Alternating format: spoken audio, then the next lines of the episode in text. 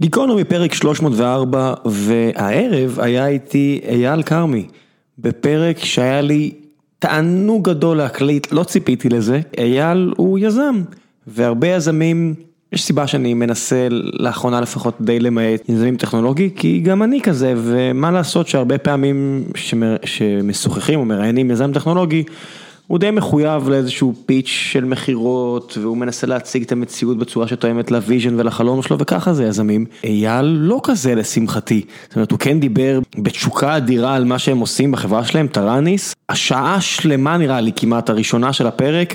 דיברנו על האזור שבו הם עובדים, שזו החקלאות, והפלגנו להיסטוריה ולגיאופוליטיקה ולכלכלה ולהמון נונסנס. אז אם מעניין אתכם ההארדקור אגרוטק, הטכנולוגיה של החקלאות, אז תחכו לחלק השני של הפרק, אני חושב שבחלק הראשון פשוט דיברנו על חקלאות ועל כל מיני דברים אחרים, והיה לי פשוט תענוג גדול לדבר אה, עם אייל בפרק הזה, ולפני שנעבור לפרק עצמו, אני רוצה לספר לכם.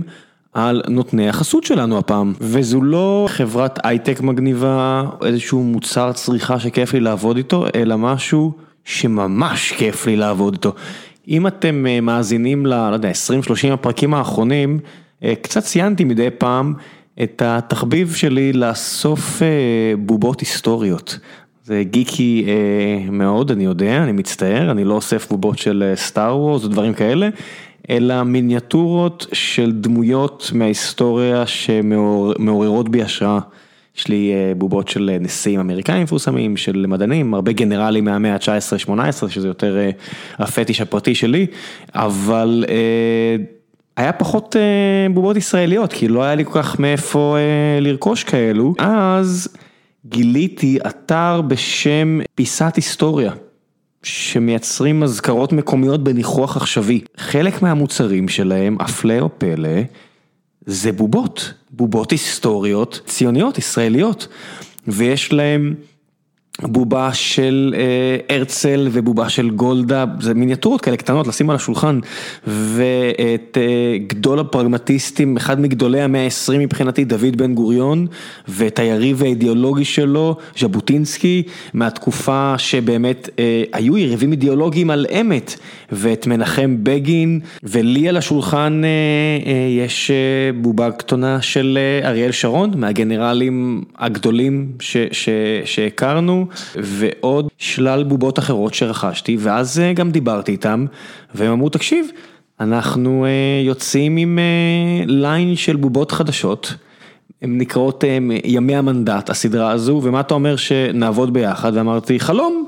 אז דבר ראשון הם שלחו לי את שתי הבובות האלה, ואני הולך לספר לכם לפחות על אחת מהן, בהפסקת הפרסומת, הפסקת החסות הבאה, ואני אספר לכם למה בחרתי דווקא בה, לצרף את אותה בובה לאוסף שלי, כי הרבה פעמים, כמו שאמרתי לכם, זה אמור לעורר השראה, זאת אומרת, אני מדי פעם מעיף מבט על האוסף הזה שכבר מונה, לעניות דעתי, כבר יותר מ-50 בובות כאלו, וכל אחד מהאנשים האלה מעורר השראה מסיבה אחרת, אם זה מארי קירי או לא יודע מה, אז אני אספר לכם על הדמות ההיסטורית שבחרתי האחרונה לצרף לאוסף, שהיא מגיעה מסדרת ימי המנדט של פיסת היסטוריה, אבל ככה או ככה, אל תיקחו על את ההמלצה שלי, אני אשאיר לכם לינק לאתר, כנסו, תסתכלו, זה פשוט דבר מדהים, באמת, זה דבר נפלא וכיף גדול לי שהם לוקחים חסות על הפרק הזה, כנסו, תראו, ובהפסקת החסות הבאה אני אספר לכם קצת על הבחירה האחרונה שעשיתי, ועכשיו גיקונומי 304 עם אייל כרמי, מדברים על חקלאות וטכנולוגיה, מקווה שתהנו.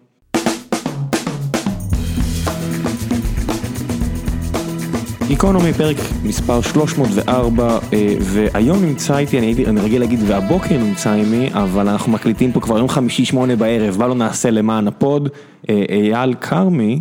שלום. מה העניינים? ובדרך כלל אני מוודא לפני שאנחנו מתחילים להקליט, שאני מבטא נכון את השם, כי אני מעוות את זה רק ב-100% מהפעמים, ואמרתי לך, טוב, אבל אייל כרמי, כבר אין לי מה לשאול אותך, ואמרת, לא האמת שתשאל, כי זה לא כמו שאתה חושב. נכון, תראה, בעברית זה א' י' י' ל', זה קל.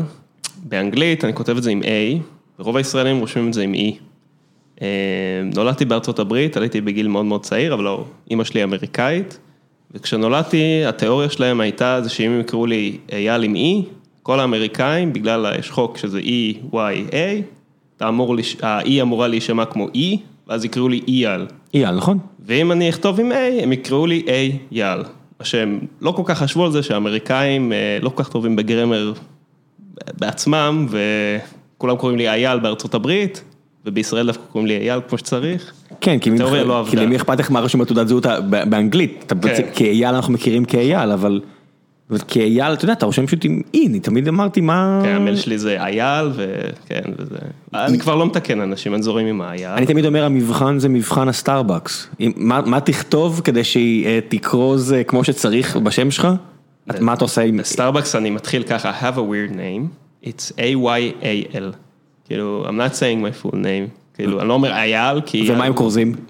ואז הם קוראים? אייל, הבנתי, טוב, אז אצלי זה פשוט, אה, אין דרך לרשום ראם באנגלית, נכון. זה R-E יוצא מיד רי, יש דגם של דודג' רם, אתה יכול להגיד להם כמו זה. אז אתה כן, יכול, אבל זה רם, רמת. זה לא ראם, זה אמור להיות אה, שתי הברות, ואז אנשים אומרים לי, תכתוב את זה עם אפוסטרופי, R-E, אפוסטרופי E-M, ואז יוצא רי-M. ראם. כן. המורה לאנגלית בבאר שבע אמרה לי, תראה, רושמים באר שבע B-E-E-R, ואף אחד לא קורא את זה ביר, זה באר, זה בסדר. בשלב מסוים השלטים התחלפו ל-B-E אפוסטרופי E-R, אבל כבר מאוחר מדי בשבילי, אז נשארתי בלי האפוסטרופי, וטוב שכך, למה סתם לסבך. בקיצור, אה, גם דיברנו לפני הפרק הזה שאתה עושה אה, מעבר, ודיברנו על מלא דברים שרציתי, פשוט אמרתי, עזוב, עזוב, עזוב, כן, בוא כן. נדבר בפרק. צריך להקליט, צריך לאיפה אתה עובר? אני עובר לארצות הברית, אנחנו באמת לאחרונה אה, פתחנו משרד שם בסאניבל, קליפורניה. כמו כולם. כמו כולם, יש שם 100 אלף ישראלים, וזה כנראה הסיבה גם למה אנחנו שם. זה- קליפורניה זה מדינה חקלאית מאוד מאוד גדולה, אבל סאניבל קצת פחות, יש שם פשוט הרבה מאוד חברות הייטק וטאלנט בסדר, זה די קרוב, אתה יודע, שאתה נוסע ב- קצת מכל כיוון מהוואל, יש לך את סנומה ואת אה, נאפה, ודרומה יש לך את כל האזורים, עד לגמרי. לפרזנו יש מלא חקלאות. לגמרי, אז חקלאות זה כותרת מאוד מאוד גדולה, זה כמו להגיד אה, מזון, יש המון סוגים של מזון, אז בקליפורניה זה בעיקר אה, מה שנקרא specialty crops, אז יש שם כל הירקות ופירות והדברים האלה שאנחנו מכירים מהסופר, מדובר על 11 מיליון אייקרס, משהו כזה. שכמה זה בקילומטר רבוע? אייקר, אה, אני אני יודע, אייקר לדונם, תכפיל בארבע זה 44 מיליון דונם, כאילו. זה מלא. רמת הגולן, לפי דעתי, זה קצת מעל מיליון אה, דונם, ואז אפשר כבר להתחיל לשחק את זה עם האייקרס וזה, ישראל נראה לי 21 מיליון אה, קילומטר רבוע, 21 מיליון דונם, משהו כזה. יש- ישראל, 21 מיליון אה, דונם, לא, לא קילומטר. ישראל, כן, ישראל זה 24 אלף קילומטר אה, רבוע, שאני חושב קליפורניה באזור... זה ישראל, אבל אה, כן. נכון, אבל...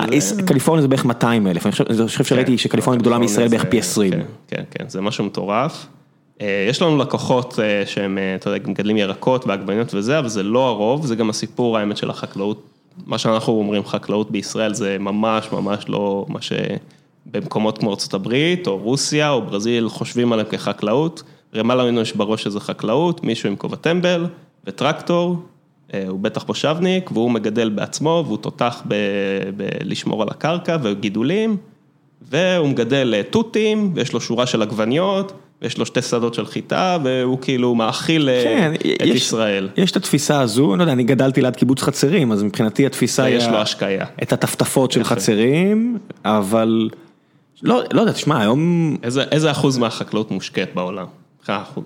זה מעניין, אוקיי, הנה, אני אוהב, אני אוהב שעשועונים, יאללה, בוא, בוא נשחק. אה, מה המשחק? נחש, אני, אני אוהב לעשות את זה תמיד עם... אה, מושקט כן. מהבחינה המלאכותית על ידי בני כן, אדם? מושקט עם אה, טפטפות, שזה חלק מזה, ממטרות, אה, יש אה, פיבוטים, יש כן, כאלה... כיוון שרוב האנושות עדיין זה מדינות עולם שלישית, והם עדיין ברובן, מדינת עולם שלישית מוגדרת על ידי כך שרובה אה, אגררית ולא שירותית, אני אניח שפחות מעשרה, מ-20 אחוז מושקט. אה, חוש די טוב. 15? אה, כן, בערך עשרה אחוז, אה, קצת מעל עשרה אחוזים. כן, תשמע, הרוב זה עדיין אפריקה והודו, וזה רוב האנושות. נכון. ו- ואסיה שהיא אסיה הענייה, אני, אתה יודע, אני אומר, זה, זה יכול להיות אינדונזיה עם 200 מיליון אנשים, וזה בנגלדש 100 מיליון אנשים, כן, מטורף שיש בבנגלדש 100 מיליון אנשים, תמיד אני אומר, אה, עליהם. מצרים פה מצרים, לידינו, נכון. שכולם ממוק... רוב המצרים זה על, מה, קילומטרים בודדים מהנילוס, כותנה הכי טובה בעולם. אבל. כן, הם עדיין 90 מיליון, ו- ועוד כמה חודשים יהיו 91,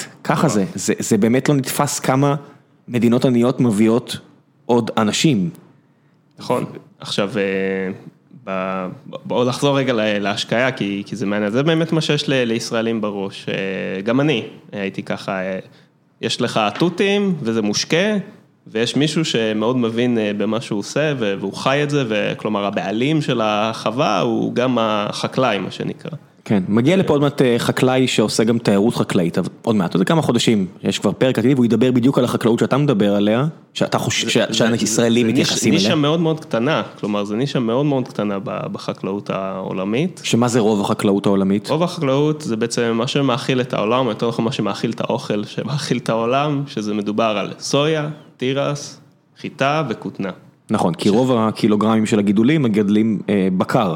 נכון, בדיוק. בטח בארצות הברית, שזו המדינה שאוכלת בשר בהפרש גדול יותר מאשר כל שאר העולם. ומה שלא מגדל בקר, מגדל חזירים, אה, שזה מה שמאכיל את אסיה בגדול, ותרנגולות, שזה מאכיל את שאר העולם, ותירס, אה, אוכלות בעיקר תירס ודגנים ודברים כאלה. כן, וזה גם קשור למודל של הסובסידיות, זאת אומרת, בקליפורניה הרי יש הרבה גידולי אולמנס. יש, נכון. יש כל מיני כאלה. 85% מהשקדים בעולם גדלים בקליפורניה. שזה נתון מטורף. וזה נתון באמת מטורף עכשיו, מי היבואנית מספר, כאילו 50% מהשקדים בעולם, לאיפה הולכים? להודו. מה? כן, כי... צ'טני? בתוך קארי שמים אבקת שקדים כזאת, להסמיך אותה, אני אמרו לי פעם שזה נכון, אני לא הייתי בהודו. האמת שזה גם הגיוני כי זה, מה, 1.2, 1.1 משהו מיליארד אנשים. רק ליניארית עם שמינית מהעולם, נכון? זהו, אז לא צריך להיות כזה מופתע, והם אוכלוסייה צמחונית ברובה, זאת אומרת יש שם, לא יודע מה, איזה 200 משהו מיליון מוסלמים או משהו כזה, שהם לא, אבל רוב ההינדו צמחונים בסופו של דבר. נכון. וזה אחלה מקור לקלוריות. נכון, עכשיו, עם הודו וארצות הברית היה, קצת יותר מדברים על מלחמת סחר בין סין לארצות הברית, אבל היה עכשיו גם, גם בין הודו לארצות הברית, בעצם טראמפ עשה איזשהו מס על, על הפלדה ועל הכותנה ועל הדברים שמגיעים מהודו, אז ההודים באו וחתכו, עשו מס של 70 אחוז על, על כל השקדים שבאים מארצות הברית, מקליפורניה, עכשיו לטראמפ לא כל כך אכפת, זה פחות ה base שלו. שילכו כל השקדים מקליפורניה, מה שנקרא. כן, הבייס שלו זה החקלאים יותר של... ה base שלו זה הסויה שמאכילים את החזירים, ושם יש אחלה אחלה כן. דיל. שזה איואה שהוא רב עליה וזכה בה עכשיו, וכל מיני מדינות במרכז של ארצות הברית. בנוסף לזה שבערך 25% מאוכלוסיית החזירים מתו השנה. במיוחד במזרח. כי יש את המגפה של החזיר, אלן תלמור, המכין נקניקיות, הגיע לפה ואמר, אין חזירים אין, טובים. אין חזירים, וטראמפ לא יודע אם זה היה חכם או היה מתוכנן, אבל אה, הוא עשה מלחמה בדיוק מה שנקרא בזמן הנכון, האוכלוסייה במזרח, בסין, מאוד מאוד מאוד אה, תלויה או צורכת אה, חזירים, ונגמרו להם החזירים, והשוק הגדול, במספרים הגדולים שהם צריכים זה לפנות עליו, זה לקנות בארצות הברית סויה שמאכילה את החזירים ואת החזירים עצמם, כשהם במלחמת סחר, זה נורא קשה להם לעשות בעצם מס מהצד השני, כן, לעיכוב לא- וכו', זה... כן, אנחנו, יש איזושהי תפיסה בראש, שאתה יודע, נגיד, שמדינות הן אוטרקיות, אתה יודע, שיכולות להחזיק את עצמן, ואנחנו לא מבינים כמה הגלובליזציה... כמה זה לא אוטרקי. אתה רואה כאילו את הנתיבים הימיים, אני, אני מודה שאני כזה חנון, שהרבה פעמים אני הולך לישון מול סרטים גיאופוליטיים ביוטיוב, אני אשאיר לכם איזה ערוץ שאני מאוד אוהב, ונגיד, אתה לוקח יפן או אוסטרליה, שלא קרובות אפילו לקלקל את עצמן. יפן, אה, היא לא יכולה להכיל אפילו עשרה אחוז מהאוכלוסייה שלה. היא כל כך תלויה בסחר הימי שיביא לה פשוט מזון לאוכלוסייה של עצמה. ו, ואתה מגיע... רוב המדינות זה ככה, גם ישראל זה ככה. בסוף כמה אנחנו יכולים להחזיק פה בלי יבוא של דברים? שבועיים, חודש, בסופו של דבר... שמע, אתה תמיד, גם כשאתה אומר על הסינים והחזירים, בסופו של דבר, צריך להגיד את האמת, אתה יכול להסתדר גם בלי בשר. כן, נכון. סויה והכל, ואני לא מדבר על אימפוסיבול מיץ ועל הכל, יש, מס, יש הרבה מאוד חלבון, בסופו של דבר, אם תיקחו חמת בוטנים, לגמרי, יש מלא חלבון, יותר חלבון מאשר בבקר ובעוף, בסדר, אני אספר לכם סוד, בני אדם שרדו אלפי שנים, אבל יש שם 300 מיליון אנשים שהם במעמד הביניים, והם רוצים לקנות חזיר ולעשות כן. מוקפץ טעים. כן, וגם, אנחנו לא כזה שונים מהם. המשטר שם לא רוצה שיפנו אליו זעם. בדיוק, זה בדיוק זה. הוא צריך להביא להם חזירים. הסטטוס קוו צריך, אה, הבקר סצ'ואן בדרום צריך שיהיה בקר, נכון, ובערים הגדולות הם צריכים לרדת לרחוב ולקבל חזירים. ואז מה שקורה, בגלל, אתה יודע, אני מקבל סרטונים לוואטסאפ, לוואטסאפ, זה מזעזע, אתה יודע, אתה מסתכל, כי מעניין אותי בסוף הדברים האלה, אני לא אוהב לראות snuff, אבל אתה רואה איך הם עכשיו משמידים כמויות אדירות של חזירים, יש פה... קאטו הכלב שומע את זה על חיות וקאטו. כן, האמת הוא נכנס בדיוק בזמן הנכון. בדיוק, בדיוק, הוא שמע על סבל של חיות אחרות. שמע על סבל וזה... בוא, בוא, בוא, בוא הנה, בוא הנה. ואתה רואה כאילו איך הם מטפלים עכשיו בגלל הקורונה ויירס.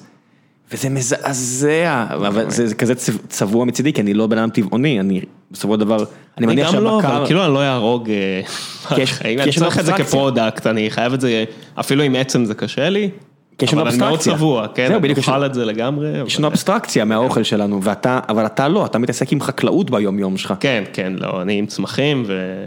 ו... אבל אני יודע שזה אז מה בעצם מה אתם עושים בכלל? בוא נתחיל בכלל, כן, שם. החברה ומה אתם עושים, כי. בפתיח כבר סיפרתי קצת על מה אתם עושים, אה, זה היה לפני שהגעת, אז, אה, או-. או ליתר דיוק כרונולוגית אחרי שהלכת, אבל לא משנה, כל הזמן פה, זה כמו סרט של טרנטינו, הכל מסתבך פה עכשיו, אבל תספר עכשיו קצת על מה אתם עושים ו-. ומה הקשר שלכם בחקלאות, אחרי ה-11 דקות שיחה האלה. אז אנחנו בעצם אה, לא- מצלמים שדות. שם החברה, שם החברה. שם החברה זה טראניס. יופי. טראניס זה אל במיתולוגיה הקלטית, אל רם, דומה לתור כזה. אה, אני אספר אה, למה קוראים לנו ככה, אבל לפני זה אנחנו בעצם מצלמים שדות חקלאיים, מרחפנים או ממטוסים, ומנתחים את התמונה, אנחנו ממש מנסים לחפש בתמונה עשבים, חרקים, מחלות, בעיות דישון, כמו שהאגרונום היה נכנס לשדה ומחפש את זה ומקבל החלטה מה עושים, מרססים, שמים דשן, אז אנחנו בעצם עושים digital agronomist כזה. למה? אה, אוקיי, יפה, שאלה טובה. אז אה, חקלאות זה שוק מאוד מאוד מסורתי. אה, לקח לו זמן בעצם לאמץ טכנולוגיות כמו טלפון או דברים כאלה.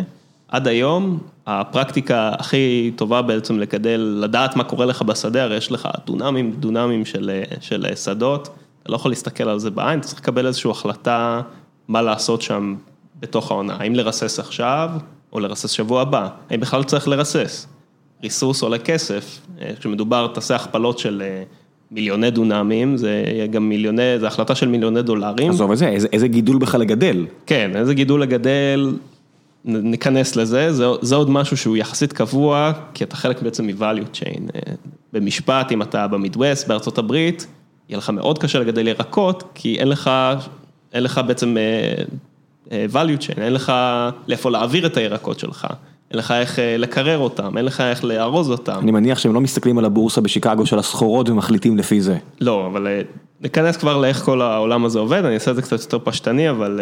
אבל נ- נגיע לזה, אני נגיע אני לזה מחזיר אותך לגמרי. אחורה, אז אה, אגרונום בימים כתיקונם, אז הוא נכנס לשדה עם מגפיים, לא תאמין, ב-2020. לא, אני, אני, מה זה לא תאמין? אתה אני, טוב, אתה שאני מגדל. עזוב, שאני מגדל דברים ב... אה, אה, לא, קיבוץ כאן עירוני, אבל שאני מגדל דברים באדנית, אני מבין את העניין שאם משהו יוצא, אז כי הוא שאב את הנתרן ואת כל החומרים, בדיוק. את כל המינרלים מהקרקע, וכל צמח הוא שונה, נכון? הביא לי צמח, כתבתי את הצמח, אין עכשיו את החומרים האלה בקרקע. אז בדונם יש עשרת אלפים צמחי תירס, כל אחד מהם הוא אוכלוסייה, הוא שונה, בגנטיקה הם דומים, אבל פה הוא קצת קיבל פחות, פה הוא קצת קיבל יותר, פה יש יותר חרקים, אז אתה נכנס לשדה, אתה מסתכל מסביב, ויש בעצם אה, מטריקות קצת ידועות, אה, נגיד לספור חרקים, סופר חרקים, כל אה, דוגם את זה, הולך כמה צעדים, דוגם, הולך כמה צעדים, דוגם. כי אני מניח שזה מפוזר אחיד, בשטח כן, הזה. בדיוק, יש איזושהי הנחה קודם כל שהשדה אחיד, אגב זו הנחה לא נכונה, אבל... כמו אה, בפיזיקה תיכונית, אתה יודע, כן. אה, אנחנו מזניחים את ההתנגדות האוויר.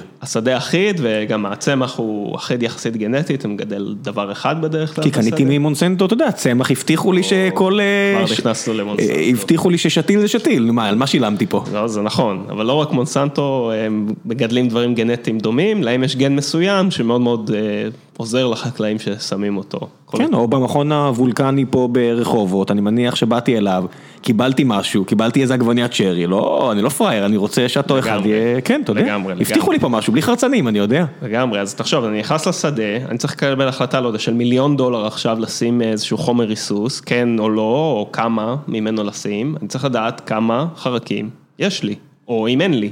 איך אני יודע את זה? אני הולך בשדה ואני בודק, עושה דגימות סטטיסטיות בעצם. חוזר, רושם את זה בפנקס, או אם אתה מאוד משוכלל, אתה רושם את זה באפליקציה, הולך, מסתכל, אומר לי, שיט, יש לי שמונה חרקים אה, על כל מטר, יאללה, להרוג אותם. הם אה, אוכלים לי יותר מדי את התפוחי אדמה, או את התירס. וככה מקבלים בעצם היום החלטות. וזה- וזה השיקול, תמנה לי שנייה, בגלל שאני אני מודה שאני כל כך רחוק מה- מהאדמה, מעבר לאדניות החמודות שלי שאני כל כך אוהב, תמנה לי עוד שיקולים, זאת אומרת שיש לחקלאים שרלוונטיים לדאטה, תכף נסגור פה את החלון, מטריף אותי, אה, תמנה לי עוד שיקולים, זאת אומרת יש הדברה שזה קשור למזיקים, בדיוק. יש עניין של אה, מינרלים בקרקע, או שהעובדה שאני מדשן סוגר את הפינה הזו. אה, זה, זה באמת, האמת היא בקרקע, אבל זה קצת מורכב. אז בואו בוא נעבור על העונה החקלאית, בסדר? לפ... חכה, שנייה, תדבר ואני מקשיב לך והולך לסגור את החלון, תמשיך. אין בעיה. אז לפני העונה אתה צריך להחליט, זה נכון, מה אתה זורע. אה, בדרך כלל החקלאות די מקובעת באזורים שלה ובאקלים שלה, זה לא כל כך big deal, זה לא שיש לך המון המון אפשרויות. למשל במידווסט בארצות הברית, האפשרויות הן בדרך כלל סויה ותירס. כי זה גם עניין של סבסוד מהממשלה. של, כן, יש פה המון המון המון עניינים שאנחנו יכולים להיכנס לכולם, אבל בגדול אתה צריך לבחור, אה, למשל זרעים, יש לך רק בתירס, מעל 3,000 אה, בעצם סוגים של גנטיקה שונה של זרעים, אחד זה עונה קצרה, אחד זה עונה ארוכה, יש כל מיני אה, שיקולים שם, זה, זה בערך ההחלטה הראשונה. אחרי זה אתה צריך לזרוע, זה אירוע די גדול, צריך להביא טרקטורים, וזה היום קצת מאוד משוכלל נהיה העניין, טרקטורים מאוד חכמים של אה, ג'ון דיר, אם אתה מכיר, זה... כן, ג'ון דיר, בדיוק עכשיו שמעתי אה, פודקאסט עם ה-CTO שלהם. למה אה, שלג'ון דיר יהיה CTO? כי יש להם מלא טכנולוגיה מעורבת. בערך רבע מהחברה, יש להם כן. יחידה שנקראת ISG, אנחנו היינו באקסלרטור שלהם. חכה, חכה, אתה מתפזר לי, אני מנסה למקד אותך, אני בדרך כלל שמתפזר פה. כן, יש לי... חכה, חכה, אז אני מחזיר אותך, שיקולים, מערך של שיקולים. תן לי הרבה בחיים, כל מה שאני יודע זה מה שאני עושה באמת. אתה יודע מאיפה זה מגיע לי? תראה, אני עכשיו שובר את ההצהרה שלי שאני מנסה לרכז אותנו.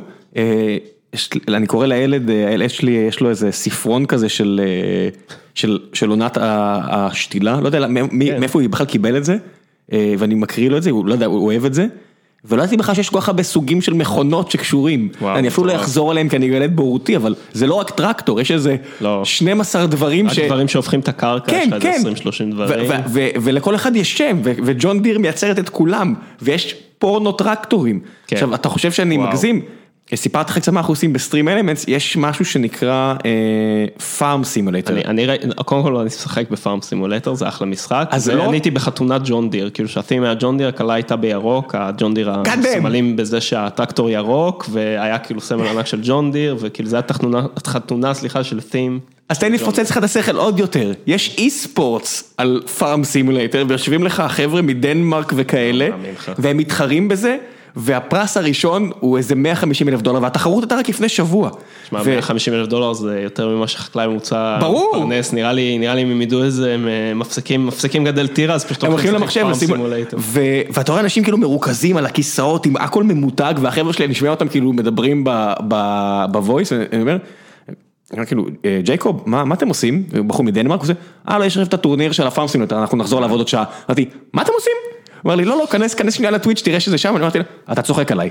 ואני הולך ואני רואה שהם כולם כאילו רואים את זה, ואני עובד בחברה הכי מוזרה בעולם, אבל לא, אתה עובד בחברה הכי מוזרה בעולם, כי היא שונה מכל דבר. אני רוצה את ה... קודם כל אני מחר הולך להראות את זה בעבודה, אז תשלח לי... אני אשלח, אני אשלח את ה... אל תדאג, אנחנו נחליף אה, לינקים מוזרים. לאי ספורט של פארם סימולטור זה טוב. חשבתי שאני מכיר הכל בתחום, ואני לא. ברוך הבא לסטרים אלמנטס, איפה שהמוזר קורה, איפה שאנחנו מחזקים את המוזר. אז שנייה, אני מחזיר אותך ללייף סייקל של אה, חקלאות. אז אה, דבר ראשון זה הזריעה, וכמו שדיברנו עכשיו ארוכות, יש שם המון המון המון שיקולים, זה יותר עניין של ציוד ובחירה של הגנטיקה. אחרי זה, זרעת, זהו. זה מדעי? או שזה תחושות בטן? אה, יפה, אני אומר זה כמו שף, כלומר... יש מדע בלהכין אוכל, אבל בסוף זה עניין של מתכון וקצת הרגשה בבטן. יש שף גרוע, יש שף טוב, ואפשר למדוד את זה גם קוונטטיבית, אבל זה גם עניין איכותי. בין שתי שפים הכי טובים בעולם, זה קצת סובייקטיבי מי יותר טוב, אז זה איזשהו שילוב. כן, אבל שף נמדד בתאים לא טעים, וגם שם נכון. יש מדע. אסף אביר היה פה, הוא כתב ספר בשם, לא זוכר, אני אשים את הלינק, ספר נהדר, שכל כך נהניתי, אבל יש מדע. בחקלאות בסוף יש כמות תוצרת, יש יילד. תוצרת נכון, על קילומטר. נכון, אבל אה, תראה, יש קרקעות שונות. ש... אז על אותו קרקע, עזוב אותי, על אותו קרקע אני יכול לעשות ניסויים ולראות נכון, מה מביא לי יותר. נכון, נכון, והרבה עושים את זה, זה נכון, אבל גם שם תשמע כל מיני דברים סותרים, וסותרים אחד את השני, שיצאו, ששניהם הובילו להרבה... אה, כי יש איכות, בעצם יכול להיות מלפ... 100 קילוגרם מלפפון, נכון. אבל הקונה במקום הזה שם בדרום הארץ, וגם יש המון, המון דברים שמשפיעים, רק אה, מיקרו ומקרו אלמנטים, כלומר מהטבלה המחזורית יש 17 דברים.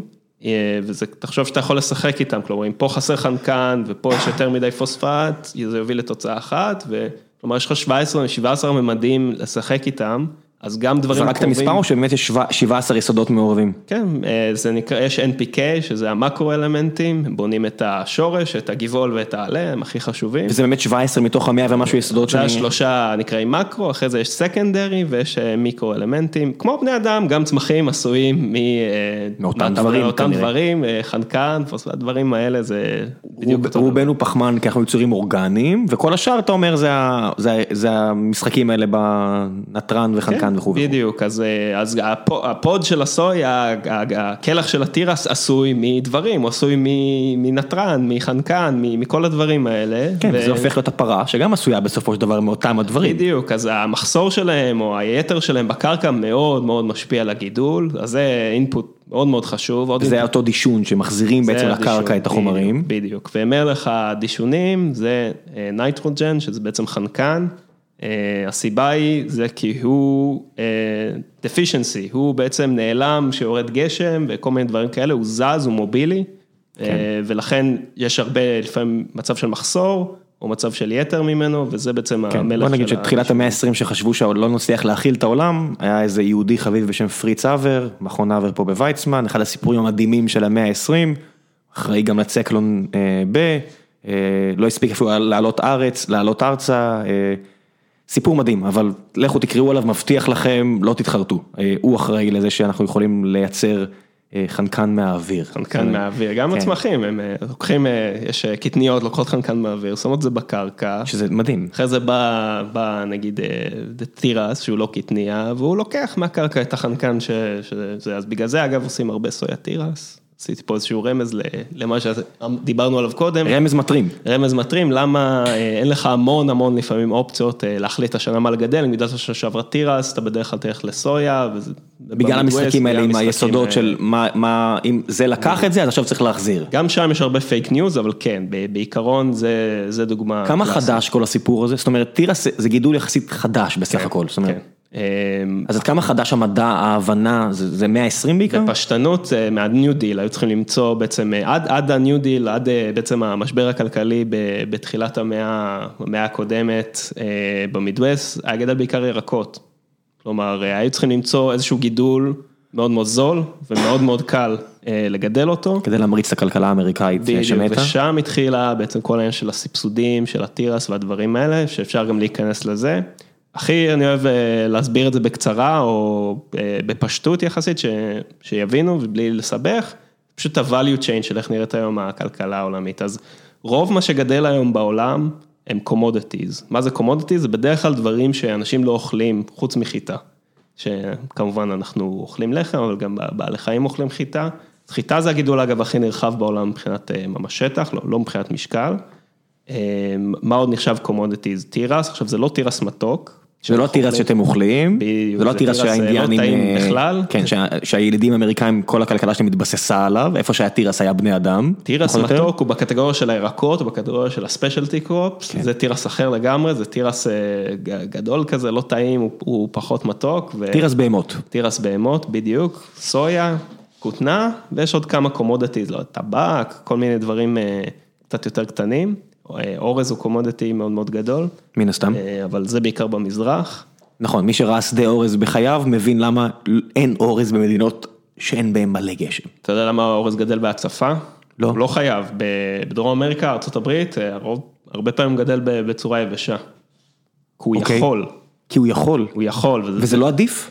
זה עדיף, כי בעצם זה חוסם המון חרקים מלהגיע אליו. וואלה. כי הוא יכול. לא כי הוא צריך, הוא כן צריך הרבה מים, אבל הוא יכול גם יותר פשוט להשקות אותו הרבה, או לא חייבים להציף אותו. בדרום אמריקה. פעם ראשונה שראיתי איך מגדלים אורז בווייטנאם, היה לי יום שלם שפשוט בעיתי. כן, זה נורא. ישבתי ובעיתי בחקלאיות שולות את האורז, וזה לא נתפס שמהגידול הזה יש בסוף קמבק צ'או, אני יודע מה, כל האורז מוקפץ עם בקר. כן. זה לא נתפס שמהפקעת הזאת יש בסוף אורז. זה מה שמצחיק, תמיד אנחנו הולכים, השדות האלה בווייטנאם, נכון, זה מראה מאוד מאוד יפה. זה יפהפה, כן. אבל זה לא הטבע, האנשים שינו את זה להיות ככה, זה כמו... הערים מסביב, כן, הביצה הייתה, הערים היו. אני חושב שהאורז יותר יפה כנראה ממה שהיה שם לפני. סביר מאוד להניח, כי זה מסודר. כן. זה לא פירי. לגמרי. אוקיי, אז יש את המחזור הזה. זה יותר במזרח באמת, נקרא לזה מערב, באמריקה ובאירופה מגדלים בעצם יותר חיטה, כותנה, תירס, סויה, מפה, קנולה למשל. פה איפה שאתם, אם אתם מאזינים מישראל, כאן בייתו את חיטה בפעם הראשונה לפני עשרת אלפים שנה, יריחו הייתה העיר הכי גדולה בעולם, מינוס שמונת אלפים, פלוס מינוס, אני יודע מה, כי בייתו פה את החיטה. נכון, נכון, אבל היום ישראל לא חזק במשחק הזה של ה agribusiness, זה נקרא, זה היה ה commodity, כן. זה בעצם ה agribusiness, למשל בברזיל זה בערך שליש מהכלכלה. סויה וכותנה וחיטה, בעיקר הסויה שם האמת, שליש מהכלכלה, agribusiness בברזיל זה משהו מאוד מאוד גדול, מה שפה הייטק, שם זה בעצם העסק הזה של ה commodities. מה זה אומר commodities? בעצם זה נסחר, כמו שאמרת, בבורסה בשיקגו. בורסת הסחורות, בורסת ה commodities. בדיוק, שם בעצם אתה יכול לקנות, נקרא לזה מניות, או סוג של אגרות חוב ואופציות, כי יש כל מיני מכשירים פיננסיים, אתה יכול לקנות בעצם, מצחיק, אתה קונה תירס ונפט קיבות של חזיר, כל מיני דברים מאוד מאוד מוזרים. הרוב המוחלט עושים ספקולציות, הם קונים והם אף פעם לא ירצו לראות את הדבר הזה, אבל אם תקנו בבורסה בשיקגו, יש סיכוי שבסוף תגיע משאית ותוריד לכם. זה קורה לפעמים בטעות, ויש אגב חברה שגיליתי שהיא כזה מטפלת לך בזה, אם בטעות הגיע לך איזה מכלית נפט. אם לא סגרת את הפוזיציה, אם לא... או 100 מיליון טון תירס, אז הם כזה ידאגו לך לזה, שלא ינחת לך בבית, אבל כן, אם לא סגרת את הפוזיציה, יגיע לך. יגיע התוצרת, בסוף העולם הפיננסי המדומיין הזה. מחובר למה שאנחנו קוראים לעולם השלישי, עולם החקלאות, שאנחנו מדברים עליו בכזו התנשאות, אבל אנחנו עדיין רוצים לאכול ארוחת צהריים, יש סחורות. לגמרי. אז איך זה עובד? אז יש בעצם, דמיינו שזה מעגל, נתחיל פה באיזושהי נקודה, נקודת ההתחלה, מעגל, אפשר להתווכח, אבל יש בעצם כמה חברות שהן האגרגטוריות האלה של כל ה commodities האלה. עכשיו, commodities מדובר על, עוד פעם, לא מה שאתם מכירים מהסופר, לא ירקות, לא פירות בדרך כלל. ומדובר על בערך 90 אחוז מהשטח בעולם מגדל אותם, כלומר זה דברים שקצת פחות מכירים בארץ, מאופיינים בזה שלא מושקים והמחירם נקבע בבורסה בשיקגו וזה היצע וביקוש, עולמי, שוק מאוד מאוד עמוק, כן. כלומר בואו נשווה את זה לעגבניות, אני מגדל עגבניות בישראל, הן בשלות, יש לי שלושה שבועות ככה למכור אותם לרמי לוי, אני יודע, לאיזשהו כן, כן. ספק פה. מכרתי אחלה, לא מכרתי, זה נרקב ונדפקתי, ובקומודיטי זה סיפור קצת אחר. והמחיר הרבה יותר הרבה יותר תנודתי? כן, אם יש הרבה עגבניות עכשיו, אז זה מאוד זול, ואם אין עגבניות, אז זה מאוד יקר, וזה לא, וזה בדיוק, זה שוק מאוד מאוד מקומי ומאוד תנודתי ביחס להיצע וביקוש המקומי, ובתירס וסויה זה עולמי, כלומר חקלאי שמגדל סויה בברזיל, מרוויח מטון סויה, בדיוק כמו שחקלאי בארצות הברית מגדל. כן. מרוויח, סליחה. ולכן שמחירי הקקאו או הקפה עולים, זה משפיע, אתם מרגישים את זה בכיס ממש. לגמרי. מאוד דומה לנפט או כל, כל סחורה אחרת. עכשיו, יש כמה חברות שהן אגרגטיות מאוד רציניות, פיזית של, של הגרעינים האלה, של תירס, של סויה, נקראות ABCD Companies, למה? כי זה חברה שנקראת ADM, בונג'י, קרגיל ודרייפוס. אז קל לזכור את זה, זה ABCD. מאיזה מדינות? במקור הם אירופאים, חלקם מהולנד, אמריקאים, דרום אמריקאים, זה הבונג'י, אבל בחברות מאוד מאוד גדולות, קרגיל היא החברה הפרטית הכי גדולה בעולם, או הכי גדולה בארצות הברית, סליחה, זה ה... לא, אני מניח שאחרי שהרמקו עכשיו הונפקה, אז כל ה... לא פרטית, זהו. נכון, אז אמרתי, אז עכשיו יכול להיות שזאתי באמת החברה הפרטית. לא, החברה הכי פרטית הכי גדולה בארצות הברית, סליחה, המקור שלה ממינסוטה, זה קרגיל, כנס לוויקיפדיה, תראה שאני לא סתם... אני חושב שפלנטיר היא החברה הפרטית בעלת השווי הכי גבוה בעולם, וגם היא תכף תונפק. תבדוק, תבדוק אותי, כנס, תכתוב קרגיל, תראה ויקיפדיה. בכל מקרה... איך מאייתים את זה?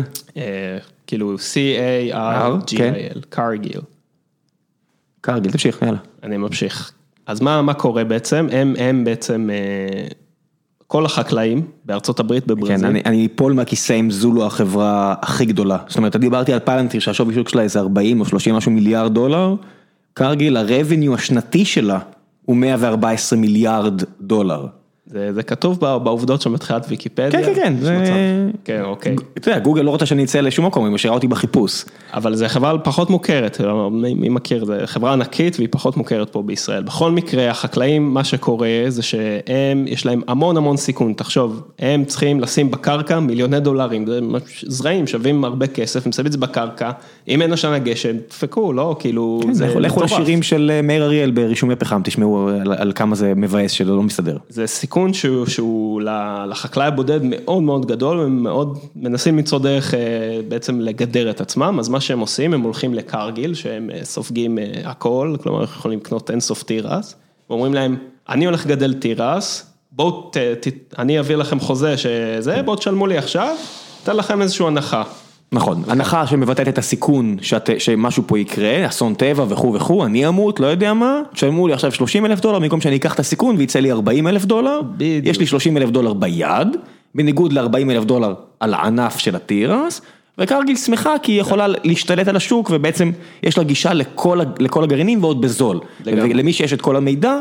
יש לו גם יכולת לגדר את עצמו ביטוחית, לגמרי. כי יש לו את כל המידע על השוק. כן, קרגיל לא, לא משאירים את הסיכון אצלם, קרגיל בעצם שלא. עושים אה, אלפי אלפי אלפי חקלאים, אפילו מיליוני חקלאים אה, עושים עסקאות כאלה עם קרגיל, הם לוקחות את כל העסקאות, את כל הערימה הזאת של החוזים. בוודאי. ועושות מזה אה, מכשירים פיננסיים אחר, בטח. בטח, קלאסי אה, גם במשכנתה וכל... בוודאי, וזה הכל triple A והכל בטוח והכל אין ספק לגביו, כי כן, אתה יודע. אז עכשיו אם תיכנס ל-CME, נראה לי, הבורסה בשיקגו, אתה קונה אה, איגרות על סך 5,000 bushels של תירס, וככה בעצם מאגחים אותה. הן שמות את זה בבורסה, בעצם בשוק משני. ופה אתה יכול אה, לקנות את ה... מה שנקרא secondary market, שוק משני בעברית, ויאללה, תקנו, אנשים שלא לא יראו אף פעם את ה bushels האלה של תירס. בדיוק, ועכשיו, מה החוזה הזה שעשו עם קרגיל? אמרו להם, אני בסוף העונה, שזה לא יודע, אוקטובר, מתחייב לכם להביא לכם 200 אה, בושלס לאייקר אה, של תירס. ויש חוזה, לא עמדת בחוזה, בית משפט אדוני. בדיוק. התחייבת ל... להביא את ה... חבל על הזמן, עכשיו החקלאי אגב אם לא יוצא לו 200 בושלס הוא צריך, הוא צריך להשיג את זה, כלומר הוא הולך לקנות. תמות, תיקח הלוואה. נכון, עכשיו זה ככה top of the value chain, יש, אה, יש את החקלאים כמובן שהם אה, נקרא לזה בתחתית הפירמידה, בארצות הברית יש 2.2 מיליון חקלאים, 50 אלף מתוכם הם החקלאים היותר גדולים, כלומר יש להם בערך 500 acres ומעלה, acre זה 4 דונם, כלומר 2,000 דונם ומעלה. כן, אם חשבנו שהפאודליה מתה בימי הביניים, ממש לא נכון, לכו לראות חקלאות בארצות הברית. וזה רק עובר consolidation. בוודאי, זה, זה, זה לא ברמת החוזים, זה ברמת מים.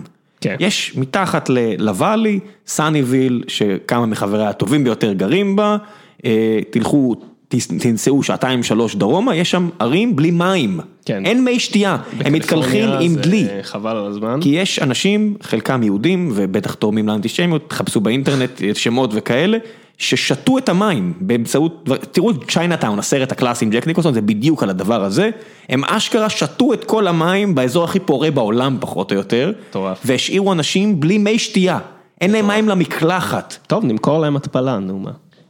זה הזדמנות, כל מחסור. כן, אה, צחוק צחוק, אבל אתה יודע, ככה זה, נכון. יש הרבה בעיות שיפתרו אם מישהו יגיד, די, אל תחשבו רק על רווח, בוא נפתור את זה. מישהו יפתור את זה, לא ייתנו לקליפורניה למות בצמא.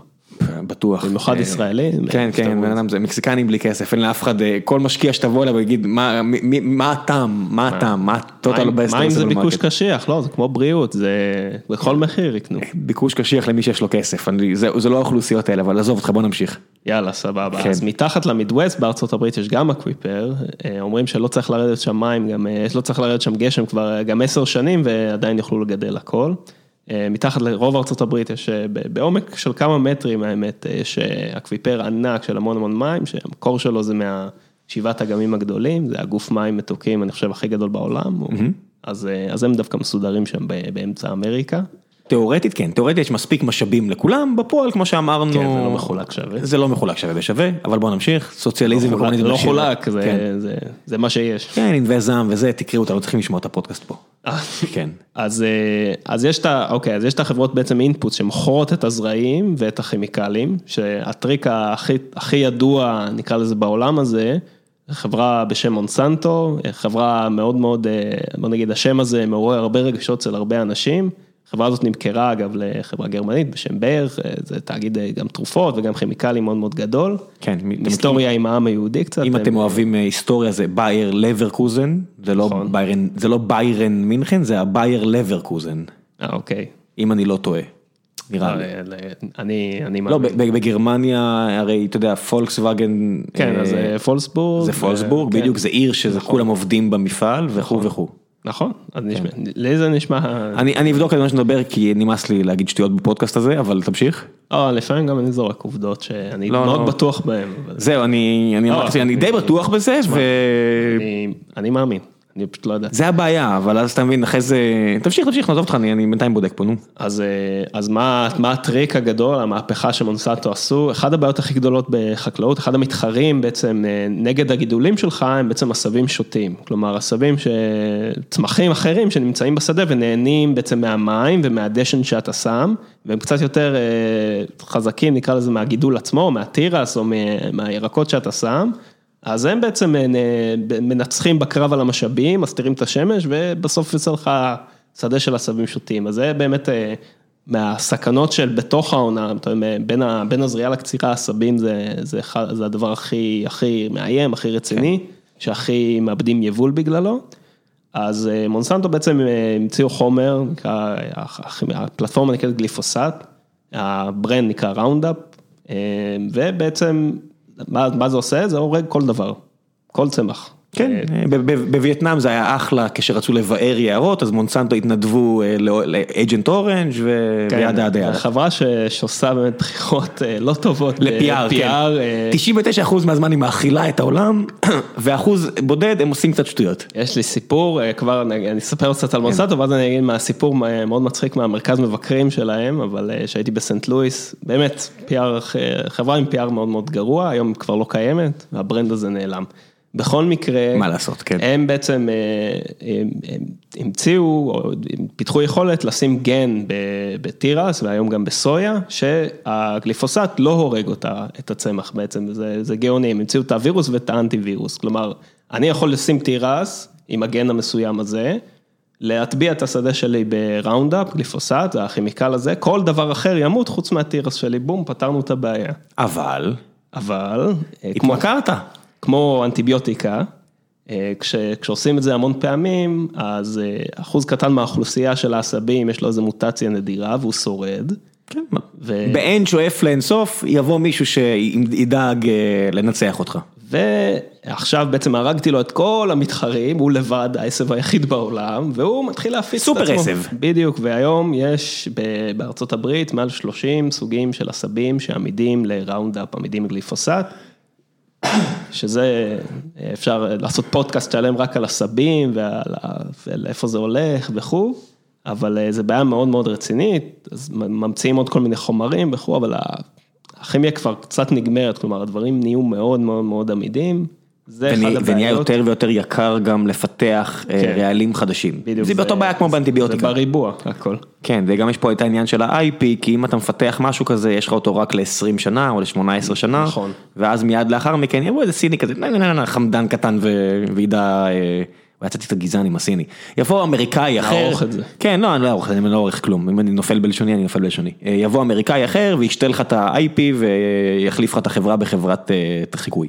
לגמרי, עכשיו, כן. טוב, הסינים פה צריך להיזהר, בבעלים פה של אדמה, שזה החברה שלנו, של ישראל, זה הטבע כן. של החקלאות פה, הם... אה, גם תנובה, הכל, אתה יודע. נו, נכון, אז האדמה מכתשים אגן לשעבר, הם כן. אה, יצרנים גנריים, למשל של גליפוסט, של החומר ריסוס הזה, אה, אחד מהחברות הכימיה גם בטופ.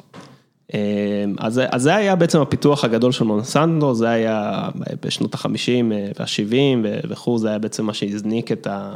קראו לזה המהפכה הירוקה, היכולת בעצם לגדל אה, גידולים ש, שאין להם המון תחרות ויש להם המון המון אה, תפוקה, המון יילד בעצם. אה, ו...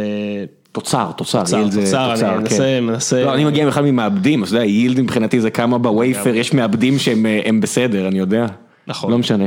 אה, וזה בעצם הסיפור, אז יש כמה חברות כימיה מאוד גדולות שהן גם היצרניות של הזרעים וגם היצרניות של הכימיקלים, כלומר יש אה, באר אחת מהם, יש BSF גם גרמנים, יש אה, סינג'נטה, היום הם סינים, במקור הם בעצם אה, שוויצרים, כל מיני חברות כאלה. בין החקלאים בארצות הברית לפחות, לבין החברות הגדולות האלה, שלא כמו בישראל, יש רשת של קמעונאים, יש בעצם שופרסלים של חקלאות. עכשיו, שלא כמו שופרסל, הם לא סתם, אה, שופרסל קונים מקוקה קולה, בלק של אה, קולה, והם מוכרים לך אחד אחד, זה אותו דבר. אה, האמת, הבעלים הכי גדול של משאיות פרטי בארצות הברית, זה הריטיילר החקלאי הכי גדול. אני חושב שאמזון בדיוק עברו אותם, קראתי על זה, אבל... משאיות אולי, טוב, צריך להגדיר מה זה משאית, כן. אני חושב שזה כאלה סמי טריילרים גדולים, יש להם 76 אלף משאיות. והם אלה שמעבירים בעצם את התוצרת החקלאית מה- מהחקלאים לקמעונאים. בדיוק, הם מוכרים את הזרעים לחקלאים. הם עושים מוכרים את wholesale. הכימיקלים, בדיוק, עכשיו, עכשיו הם לא סתם רק הולסייל, ברור הם שלא. גם האגרונומים. בארצות הברית השוק הוא קצת שונה מבישראל. אה, יש לך בעצם אה, אה, חקלאי ממוצע בארצות הברית, אפילו, זה לא ממוצע, זה אפילו חקלאי יחסית גדול, יש לו נניח אה, 4,000 דונם, משהו כזה, 8,000 דונם. מ... אתה יודע, אני מתרגם את זה עכשיו מאוד מהר מאייקרים לדונמים, כן. אז אה, בואו תסלחו לי. אני יודע, מאייקר של, אה, של תירס, אתה מכניס ברבניו בערך אלף דולר. כלומר, אם יש לך אלף אייקר, אלף דולר בעונה. כן, בדיוק, אלף דולר. אז אם יש לך אלף כאלה, אז... אה, מיליון. בדיוק, אז אתה מכניס מיליון דולר. הבעיה זה העלות. כלומר, העלות של כל הזרעים עבודה, ריסוס והעבודה, כן, כן. אם אתה חקלאי מאוד מאוד טוב, נשאר לך אולי... 100-150. משהו כזה, 100, בדיוק, 10 עד 15 אחוז, זה החקלאים הטובים, כן. בממוצע אפילו זה הרבה הרבה פחות.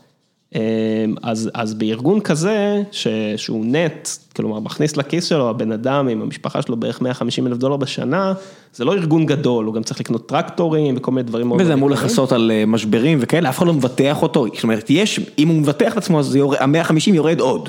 כן, עכשיו, אה, כבר ייכנס לעניין של ביטוח, בארצות הברית זה פדרלי, זה ממשלתי, אבל החקלאי הזה, אה, נתקעתי קצת, אז החקלאי הזה אין לו, אין לו כסף להיות ממש ארגון ולהיות מנכ"ל ושיהיה לו גם אנשים מקצועיים שהם אגרונומים, לכן התפתח בארצות הברית, בעצם ב- החבר'ה שמוכרים לך את הזרעים ואת הכימיקלים הם גם האגרונומים, גם היועצים, אומרים לך מה לעשות, אומרים לך, קנה את הזרעים האלה, תרסס את זה, נותנים לך עצות. וזה, בארצות הברית יש את זה בעוד כמה שווקים, יש את זה בפארמה למשל, שהחברת ביטוח הרפואי הכי גדולה, הם גם בעלים של, של, של, ה- של הסופרמרקט, כן, ה- שוק משוכלל כמו שקוראים לו, אה. רק עם אה, סימן קריאה לפני. יש פה לא מין. איזון, כי הוא לא יכול להרוג בעצם את הלקוח שלו, הוא, ברור שהאינטרס שלו זה למכור כמה שיותר חומרים, אבל זה צריך להיות משהו סוסטיינבילי, כאילו הוא לא יכול להרוג אותו, אז, כן. אז יש פה איזשהו איזון בין אה, עצות אה, טובות לבין ממש מכירות, נקרא לזה ככה. אבל בישראל זה, לאוזניים ישראל זה מוזר קצת. אנחנו רגילים להפרדות. כן, כי זה אה, לא חקלאות תעשייתית כל כך, נכון, נכון, זה ההבדל. בדיוק. זה לא ב scale הזה. לא. דברים, דברים ב scale כל כך גדול, נוצרים אה, מבנים פאודליים, לא יעזור כלום. כן, בישראל תראה, אין, אין, אין אדמה, אין מים, ואין הרבה אנשים שירצו לעבוד בחקלאות היום. כן, אז, זה הולך אה, ויורד. כן, אז אה, פשוט לא, לא התפתח לכיוון הנכון. הנכון כלכלית, הנכון או, או כלכלית. אפילו הנכון אה, אה, חקלאית. כן, זאת אומרת, אם, אם, אם נכון, ואני עושה פה במרכאות, זה לייצר כמה שיותר מזון מכל קילומטר רבוע, זה לא עובד ככה. איפה זה כן עובד ככה? בארץ? חלב. כי היינו אה, מדינה שמתה מתוכנן. על חלב, ולא עובד כל הקטע הזה של לייבא חלב כל כך, אה, גם כי הגנו על, על, על המחלבות, אז פרה ישראלית ממוצעת באמת מניבה כמות עצומה של חלב ביחס למתחרות שלה. יש שיגידו שזה מייצר חלב פחות טוב, פחות איכותי. יכול להיות. אני גם שמעתי את ה... לא יודע, לובי החלב בארץ מפחיד אותי יותר מעבריינים מוכרים, אין לי בעיה לנקוף בשמו של עבריינים, אני לא מפחד על הברכיים שלי, אבל חלב מפחיד אותי, אז אני לא אז אגיד. אני, אני גם לא מתעסק איתם. לא צריך אני להתעסק עכשיו, איתם, אני כן. נוגע פה בהרבה, נקרא פרות קדושות. כן, לא, אתה רואה. שתינו שותים פה קפה בלי חלב, אה, נכון. זה עושה לי פוקים, ואשתי לא אוהבת את זה, אז אני לא, אז הפסקתי עם חלב, אה, אז זה מה יש. אני כמו הסינים אחרי שלא יכולים אה, לעכל יותר חלב, פעם הייתי שותה ליטרים. הסינים התחילו יותר ויותר האמת. ואני לא, תמיד זה עולם, מקדונלדס בחלב, זה... ה- האינג והיאנג. טוב. אז אנחנו, רוצה לשמוע סיפור מצחיק, תראה, אנחנו מתפזרים פה לגמרי. היה פה איזה, בחברה איזה משקיע מחברה סינית נורא נורא נורא נורא מפורסמת, וישב פה, והוא ישב עם אחד השותפים שלי, ואני נכנס לחדר ושואל אותו אם הוא רוצה קפה. ולא רציתי להעליב אותו, אז שאלתי אותו, עם חלב או בלי? כי אתה יודע, אתה יודע, אני מניח שזה בלי, אבל אמר לי, עם. הוא כזה מסתכל לי בעיניים, הוא אומר, עם חלב, אמרתי, גאדם, סינים לקחו אפילו את זה. הם טובים החבר'ה האלה. כן, נורא קשה כן, לנצח כן, אותם. יאללה, די, גזענות לשעה מאוחרת, אה, בוא נמשיך. לא, הם מחמיאים להם, קשה לנצח אותם. לא, הם נהדרים, אין פה מה. כן, כן, קדימה. איפה היינו? מתישהו דיברנו? סייקל אתם אמורים להיכנס, אתה יודע. כן, אני יושב ומדבר על השוק וכו', כן. אז אנחנו בעצם, הלקוחות המרכזיים שלנו זה אותם דווקא אגרונומים בארצות הברית, או ב- בברזיל השוק טיפה שונה, אבל זה פחות או יותר אותו, הרכב, אנחנו בעצם מש- משרתים אותם, משרתים את החקלאים שלהם. כלומר, הם, כדי למכור אה, חומרים, הם צריכים ללכת למישהו לשדה ברגל, להסתכל לו על העשבים, להגיד לו, תשמע, יש לך בעיה של עשבים, זה החומר שאתה צריך, כך וכך כמות. אז אנחנו בעצם עושים לחלק הזה אוטומציה, כלומר, השכבה הזאת של הקמעונאים, הם הלקוחות המרכזיים שלנו. כדי לחסוך כסף בכוח אדם, זאת אומרת, במקום שתשלח אגרונום לכל קילומטר או תעשה משהו מדגמי, אתם אומרים, עזוב אותך מדגמי, אני אשים דרון ואני אגיד לך בדיוק מה המצב. בדיוק, גם אה, תחשוב, בואו בוא נסתכל על המצב היום, יש אה, לקמעונאי הכי גדול, לא ננקוב בשמות, קוראים לו נוטריאן, אה, גם משקיע בטראניס, אני אעשה פה גילוי נאות. אה, יש לו 1,162 חנויות פיזיות בארצות הברית. Brick and mortar. עכשיו זה מאוד דומה לטויוטה, נכון? יש טויוטה ביפן, זה HQ מאוד גדול, ובעצם ב- לכל אה, עיר קטנה יש סוכנות של טויוטה משלה, נכון? זה שלא כל כך אכפת להם מטויוטה ב- ביפן, הם מנהלים את המכירות של עצמם, אז תחשוב קרול איווה, איווה מדינה בארצות הברית, מלכת התירס, אה, קרול זה עיר קטנה, יש שם סניף כזה של אה, retailer כזה, זה חנות עם מחסן, עם זרעים, עם כימיקלים, יושבים שם אה, שישה, שבעה אגרונומים, אה, ובעצם תפקידם זה בעצם לייעץ ל-100-120 אלף acre, כלומר מדובר על בערך חצי מיליון דונם מסביבם, שישה, שבעה אנשים. שצריכים למכור לכולם את ה... כלומר, לעשות הרבה, יש פה המון עסקאות על זרעים, על, על, על, על מרססי עשבים, על כל דבר, פלוס הם גם צריכים ללכת לשדות. ובאינטרס שלהם שהכל יהיה בסדר, כן? בואו רק כן. נגיד את האמת, האינטרס שלהם זה שיהיה כמה שיותר טוב לכולם. אם החקלאים עשירים, גם הם עשירים. ככל, בוא נגיד זה. ליניארי ישיר, ככל שהחקלאים מרוויחים יותר, הם ירוויחו יותר. לגמרי, כ consumers, כלומר, הם, החקלאים עשירים קונים הרבה הרבה דברים, והם מקבלים בונוס, בסוף זה אנשי Everybody מכירות. wins. Everybody wins. אז במקום, אה, לקט... עכשיו, בכמה כמה דונמים כל אחד מהם יכול ללכת, כלומר, בעונה, לא יודע, 30 אלף דונם, 40 אלף דונם, בסוף זה, זה משהו מאוד לא סקיילבילי, אז ב, ב, התפתח מצב שלא כל כך הולכים לבקר בשדות, ונוצר בעצם הזדמנות מאוד גדולה להביא את זה לתועלת מקסימלית, כלומר, אם אני לא הולך וממש בודק מה יש בשדה, ההחלטה שאני מקבל היא לא הכי מדויקת, ופה אנחנו נכנסים, אנחנו בוודאות, בעצם- זה יוריסטיקה, זה כן, בוודאות לא לגמרי. פתרון. אידי- בוודאות, נכון. כי עשית פה יוריסטיקה, לקחת רק חתיכה קטנה מהקרקע והנחת שהחתיכה הזאת מייצגת נאמנה את כל השדה. והנה כל הקטליסט והנה כל הדלתא, בעצם אה, אני אתרגם את זה לעברית, לחקלאות מדייקת, ל-precision ag. כלומר, לדייק בצורה מאוד, מדו... מאוד נכונה בתוך השדה, לעשות אפליה בתוך השדה, יש אזור עם הרבה עשבים, אזור עם קצת עשבים, אזור עם הרבה חנקן, אזור עם קצת חנקן, ובעצם לעשות את, ה... את הסקאוטר הזה, בעברית זה, זה מילה קצת מוזרה, אבל באנגלית קוראים לזה scouting, שהם הולכים לשדה ומחפשים אה, בעיות. אה, לעשות את זה בצורה מאוד מאוד מדויקת, וזה אה, התעשייה שלנו, פה, פה אנחנו חיים, אנחנו חברת imaging, אנחנו מצלמים את השדות, פיתחנו בעצם פטנט, אני אכנס לזה קצת בצורה כזאת, משתמשים ב- אה, בעצם שלוש שכבות של, אה, של תמונות, בעצם משתמשים בשכבה הראשונה בתמונות לוויין, עכשיו היתרון, איפה בת- קונים את זה? אז יש גם כמה בחינם, הנה, שהמאזינים ישמעו, נאסא נותנים תמונות לוויין בחינם, ברזולוציה של אה, 15 מטרים לפיקסל. כן, ההגבלה מתחת לזה כבר נהיה שימוש צבאי מסחרי ואין... אה, כן, ויש חוק חופש המידע בארצות הברית, אה, הנה ההמלצות בסוף, אולי אני ארוס בממשלת ארצות הברית כל מידע שאתם רוצים, הכי מסודר, הכי בחינם. לא, זה, אה, זה מדהים, כל, כן. זה הסיבה שהרבה סטארט-אפים שם, כי פשוט כן, שם יש את המידע. חבל. כולם מגלים את זה על שוק הנדל"ן בארץ, כן. על הרבה דברים שפשוט אין מידע בארץ זמין. והאמריקאים, נחמיא להם, אה, באמת, זה מדהים, מסודר, מדהים, מדהים. אה, אנשים. מבינים, כן, אנשים אומרים, מה, השקענו כל נכון. כך הרבה כסף בנאסא האלה, אז הם הביאו אותנו לירח בשנות ה-60-70, מה הם נתנו לנו מאז? מטורף, כמות כל כך טיפשות. המידע גם מאוד נגיש, מאוד מסודר, מאוד כן. חשוב להם גם, זה לא בנבחי איזה שרת, זה ממש באתרים. לא, API טובים, חבל הזמן. ממש. זה, זה קטליסט להמון המון המון עסקים, לא רק בחקלאות מן הסתם. חדשנות שאשכרה מייצרת ערך. כן. כן. כל, כל מדינות העולם צריכות לקחת דוגמה, גם פה במדינה. חד משמעית, זה- המדינת זה פשוט, השחצנים פה במזרח התיכון, כן. פשוט מקדם את האנושות. אוקיי, אז שכבה ראשונה. אז שכבה אה, ראשונה זה תמונות לוויין, יתרון של תמונות לוויין מאוד זול, אנחנו גם משתמשים בכאלה טיפה יותר טובים, אז מדובר על בין 15 מטר לפיקסל ל-3 מטר לפיקסל, כלומר, שאתם משתמשים יותר טוב מזה מה שאתם קונים אותם? כן, אנחנו קונים אותם, הם, הם די זולים. ממי קונים אותם מנאסא? לא מנסה, יש חברות פרטיות. אה, שיש להם לוויינים משלהם? כן, אה, יש פלנט לאבס, זו חברה יחסית חדשנית, ששיגרו 200 לוויינים שמקיפים את כדור הארץ, וכל יום מצלמים אה, את כל כדור הארץ, פחות או יותר, ברזולוציה של שלושה מטרים לפיקסל. וואלה. יש איירבאס, כמו בואינג, איירבאס. זה אותו איירבאס? אותו איירבאס, האיירבאס האירופאית המפורסמת, המתחרה של בואינג? בדיוק, אז יש להם כזה חלק של defense, ויש להם לוויינים וגם את זה, אבל זה עולה קצת כסף, ויש את הבחינם. אגב, ה-ESA, ה-European Space Agency, המקבילים של נאסא, יש להם גם לוויין בחינם, נקרא סנטינל, הוא עשרה מטרים לפיקסל, הוא כל חמישה ימים מצלם את כל העולם. כלומר, כל מקום. למה שתרצה כל כך הרבה מקורות? זאת אומרת, אם יש לך של שלושה מטרים, למה בכלל להתעסק עם אחרים? כי זה עניין של כסף? לא, זה עניין של כסף. אז הם מתעסקים כולם, זה גם בחינם, זה גם API מאוד נוח, כמו שאמרת, אז טיק טק אתה... הסטנדרט הטכנולוגי זהה בכולם? כן, כן, זה ממש... מי קבע את הסטנדרט? ממשלות האלה. אבל הם כולם, אבל אתה יכול לסמוך על זה שהמידע מגיע באותו JSON או whatever. היום כבר, לא רק זה, אתה, אני חושב בגוגל, כאילו ב-AWS ובענן, בעננים של המסחריים, כן. הם כבר כאילו עשו מזה מוצר, כלומר הם לוקחים את המידע מה-API של נאסא ותופרים לך מוצר מאוד מאוד נוח.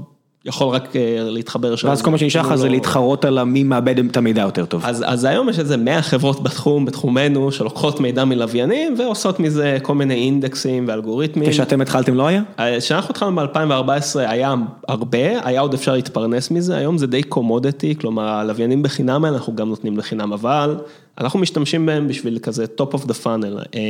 החיסרון בלוויינים זה הרזולוציה ב-15 או 3 מטר לפיקסל, נכנסים המון צמחים, בטח אי אפשר לראות חרק על עלה או כל הדברים החשובים שדיברנו בהתחלה. מה שכן אפשר להגיד זה אולי דברים כלליים על השדה. אפשר להסתכל על שדה אחד, להשוות אותו לאלף שדות, להגיד, או, השדה הזה מוזר, צריך להתמקד בו. מה זה מוזר? או, יפה, אז לוויינים מצלמים בכל מיני אורכי גל, אחד מהם זה למשל אינפרה אדום. וצמחים עושים פוטוסינתזה.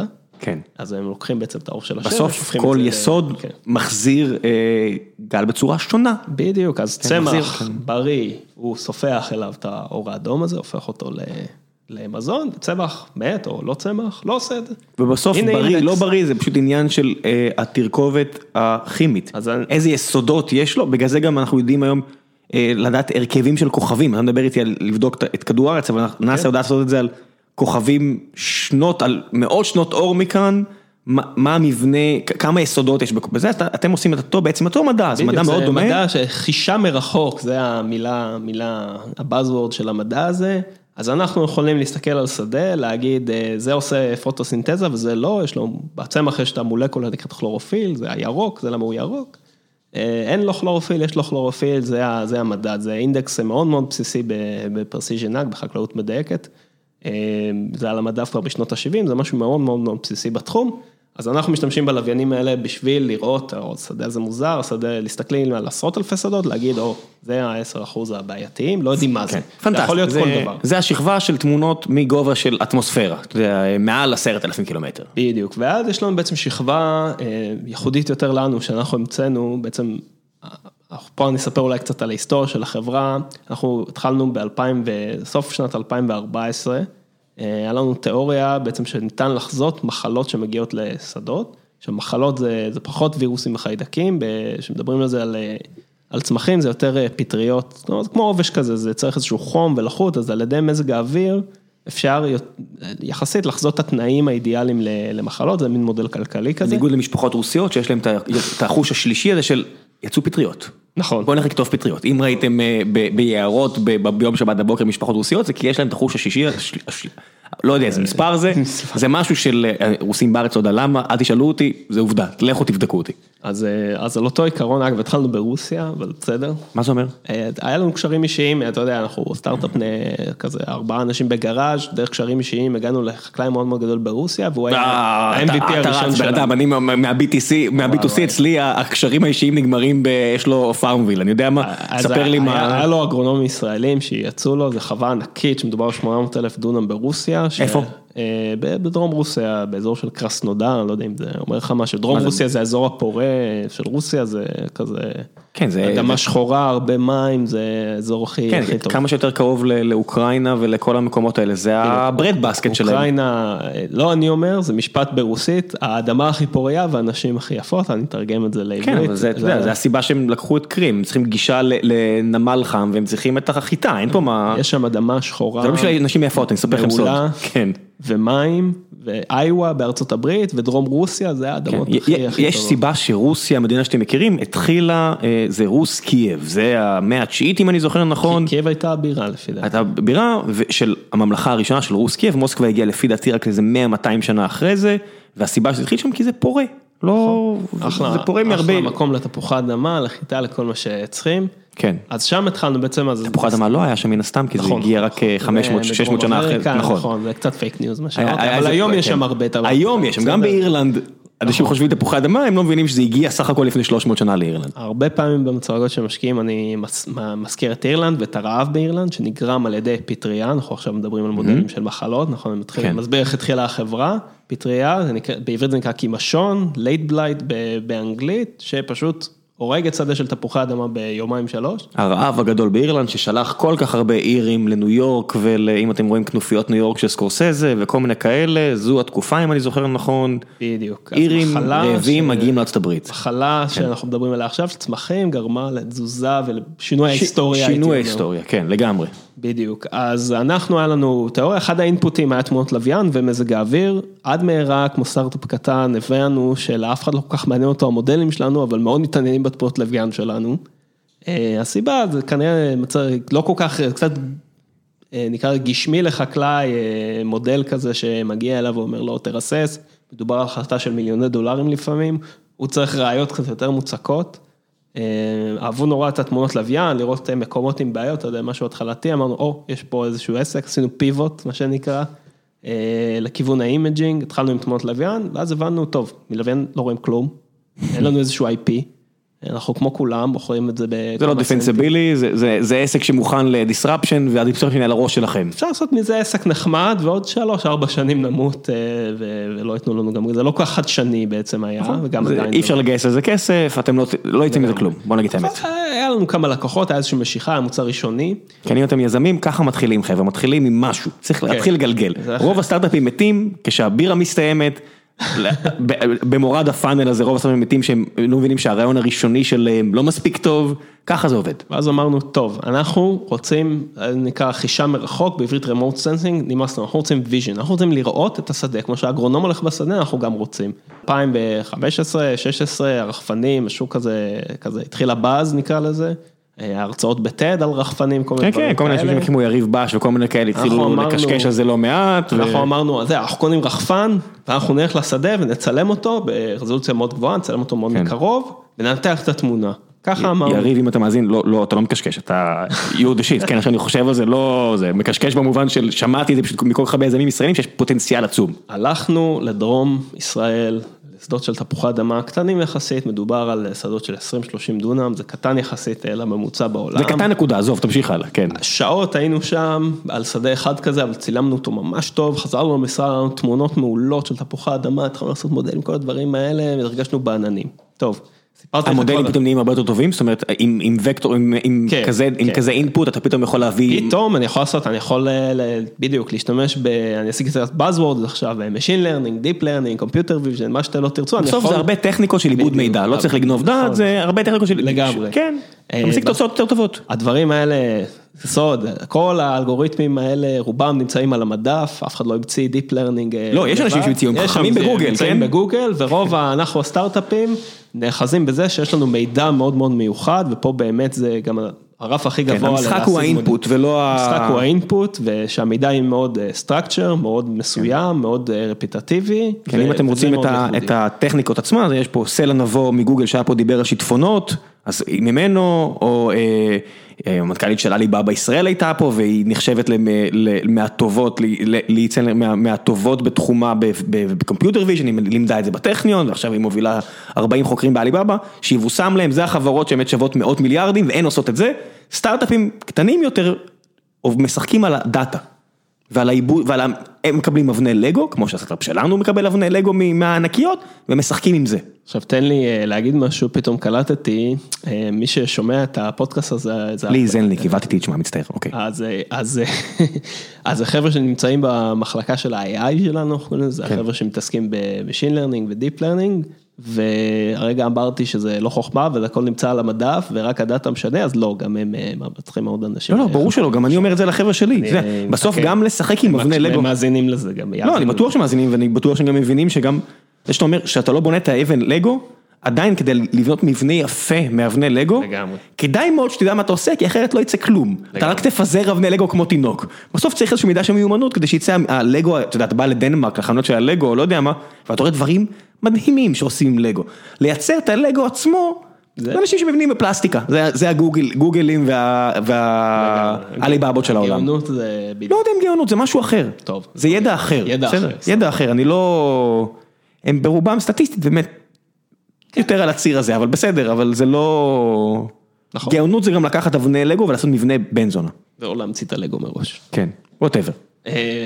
אז, אה, אז זה מה שעשינו, יופי, נורא שמחנו, לקחנו 4-5 שעות לצלם את השדה, זה מדובר על 20 דונם. לא חשבנו כל כך על ה business. זה לא scalable. כן, בדיוק, זה לא מה שעלה לנו באותו, באותו רגע. אמ, גם, אה, כמו שהגענו לחקלאי הזה ברוסיה דרך קשרים אישיים, הגענו לעוד חקלאי מאוד מאוד גדול שנמצא בברזיל, בחור אה, יהודי, אה, שהוא בעלים שם של אה, 20 אלף הקטר, זה 200 אלף דונם, אני כל הזמן אה, מחשב פה יחידות המרה, בדרום, ברוב העולם משתמשים בהקטר, זה 10 דונם, בארצות הברית משתמשים באקר, זה 4 אנחנו דונם. מדברים פה על שטח... מה זה- מה זה-. מה זה 200 אלף דונם? זה שטח שהוא שטח עצום. עצום, כלומר רמת הגולן זה מיליון דונם, אז זה כן, כן, אנחנו מדברים פה על חלק לא מבוטל ממדינת ישראל. בדיוק. כן, איזה 200 אחוז- אחוז כלשהו בשל- בשלם ממדינת ישראל. הוא, יש לו 200 אלף, אה, 200 אלף דונם, כלומר אה, משלו, הוא מגדל שם אה, כותנה וסויה, וגם דרך קשרים אישיים, בחור יהודי, אתה מכיר, אה, קצת הגענו אליו, אה, אמרנו לו, אנחנו, יש לנו פתרון אה, מטורף בשבילך, אנחנו נבוא עם אה, דרון, נצלם וננתח את התמונה. טוב, מגיעים, אנחנו התחלנו לעשות קצת חישובים על ה-200 אלף דונם, ו... ורואים שאנחנו בבעיה, כלומר, הרחפן הקטן, הצעצוע הזה של DJI שקנינו. אה, אנחנו נצטרך, אה, לא יודע, עשרת אלפים בטריות, אה, עשרה אנשים, וזה ייקח לנו חודש לצלם את. כלומר, המחיר שנגבה ממנו שווה יותר מה, מהגידול שגדל כבר ב... ב... לא כלכלי. לא כלכלי בעליל, אה, אמרנו, שיט. אחד המשקיעים הראשונים שלנו הוא בן אדם שמאוד מאוד מבין, אה, מבין בתחום, לא, לא לחשוף את שמו ולא נדבר איפה הוא הגיע. כן, אז מה, לא משנה, לא נחשוף את שמו, אז מה מה הוא הביא לכם? מה הוא סיפר אז לכם? הוא חיבר אותנו עם אה, בן אדם שהמציא פטנט, בעצם אה, בן אדם שהמציא פטנט, שבעצם אתה יכול לטוס מאוד מאוד מאוד מהר, ועדיין שיהיה לך תמונה אה, מאוד מאוד ברזולוציה גבוהה. מה זה אומר? כשטסים במהירות מאוד גבוהה, ואתה טס אה, בעצם מאוד קרוב לקרקע כדי ליצור בעצם את הרזולוציה הזאת, נוצרת מריחה, האמת, בכל דבר שאתה מה זז לעשות? מהר, כן. ה- תנסו לצלם ותזוזו ותראו שזה בדיוק, קשה לא להתפקס. ממכונית, אז הרבה, הרבה, יש מריחה בעצם, אתה מאבד מהרזולוציה, אז גם, גם מטוסי קרב בצבא, זה אומר קצת פיזיקה אחרת, אבל כשהם מצלמים אה, בצילומי אה, מודיעין, ריגול, כן. מודיעין, יש להם בעצם אה, מטעד בעברית, פוד, שהוא מפצה על המהירות של ה- של כן, המטוס. כי אתה יודע בעצם באיזה מטוס אתה טס עכשיו, זה מגיע, האינפוט זה מגיע דיגיטלית, ואתה בעצם יוצר את ההדמיה שמתקנת את המריחה. בדיוק, אז, אז כן. במטוסים זה פיזיקה אחרת, זה נקרא פוקוס באינסוף, אנחנו טסים נמוך, כדי, אנחנו רוצים לראות... אה, נמוך מ- ולאט יותר. ח- אה, חצי מילימטר לפיקסל, זה, זה, ה- אתה יודע, כדי לראות חרקים אתה צריך רזולוציה, כאילו פיקסלים של sub millimeter מה שנקרא, וכשאתה טס מאוד מהר, או מה זה אפילו ב-50 קמ"ש, ב-100 קמ"ש, אתה לא מגיע לרזולוציות האלה, יש מריחה, אז בעצם ובלתי אפשרי לפצות עליה. הוא חשב על פטנט אה, מאוד גאוני, שבעצם אנחנו נשים מצלמה, אנחנו נשים מראה, אנחנו נשים לייזר שמודד מרחק לרצפה ו-GPS יחסית טוב, ואנחנו נסובב את המראה בעזרת מנוע, לוקטור השני, לכיוון השני, באותה מהירות של הרחפן או של המטוס. ואז יש לך בעצם סדרת תמונות. ואז אה, יש נקודה סינגולרית, אם אני הולך 100 קמ"ש לכ- לכיוון אחד ו-100 קמ"ש לכיוון אחר, יש נקודה סינגולרית שהמהירות היחסית מתבטלת, נכון? המהירות היא אפס, כן. פוק, מצלמים. ואז בעצם נוצרת מצב שהתמונה היא ברזולוציה מאוד מאוד גבוהה, למרות שטסנו מאוד מהר. כן, זה בעצם ביטלת את הגלים, אם נקרא למי שמכירים, אתה אתה יכול לעשות הדמיה של גלים, זה בעצם גל מפה, גל משם, ויש לך נקודה באמת שהתמונה תהיה מאוד חדה במקום. בדיוק, והנה, אה, זה, זה לא, זה לא גלים, כן, זה סתם אנלוגיה, זה לא, זה מה שקורה, כן? אז הנה אנייבלר, פתאום אנחנו יכולים לקחת מטוס ססנה, לטוס ב-200 קמ"ש, ב-200 אלף דונם האלה, ועדיין להגיע לרזולוציה הזאת של הסאב מילימטר. אתה צריך, אבל אתה צריך לעבור הלוך חזור, על כל דבר. כן, אתה עובר הלוך חזור מאוד מאוד מהר, ב-200 קמ"ש, אתה יכול לעשות את זה עם מטוס, זה לוקח לך שעתיים ולא חודש. וזה כלכלי, כי אתה, מטוס ססנה, אתה שוכר אותו, מדובר על 600 דולר, משהו כזה. כן, מאות דולרים של דלק, כן. עוד כמה מאות דולרים של הכוח עבודה של הטייס. ובעצם מה שאנחנו פיתחנו, אתה יכול להגיע לרזולוציה, גם אם אני אלך עם אייפון בשדה הזה ויצלם מקרוב, הרזולוציה תהיה סאב מילימטרית, כלומר זה לא עניין של המצלמה, כמו שעניין שפיתחנו יכולת. אה, לכסות שטח. בדיוק, לכסות שטח מאוד מאוד מהר, וזה המשחק בחקלאות, כלומר ה scale הגדול של החקלאות, של מה שמאכיל את העולם, שזה חיטה, תירס וסויה, זה גדלים בשדות ענקיים, ויש מאוד בעיה לקבל מידע מהשדות בגודל האלה.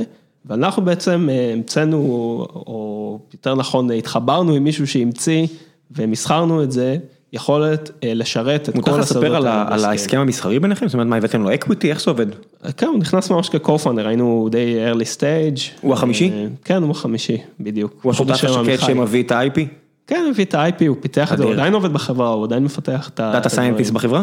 לא, לא data scientist, הוא hardware, יש לנו hardware. אנחנו לא מוכרים את ה hardware, אנחנו משתמשים ב hardware. שה hardware זה בעצם כל מה שקשור לצילום עצמו? אשכרה מראה, מצלמה של קנון, זה ממש, זה הפטנט. כן, כן, לא, אני, אתה יודע, מי שמזלזל בדברים האלה לא מבין עד כמה בסופו של דבר זה, זה מנועים שצריכים להיות נורא מדויקים אם אתם רוצים כן. להזיז את זה וכו' וכו', זה לא...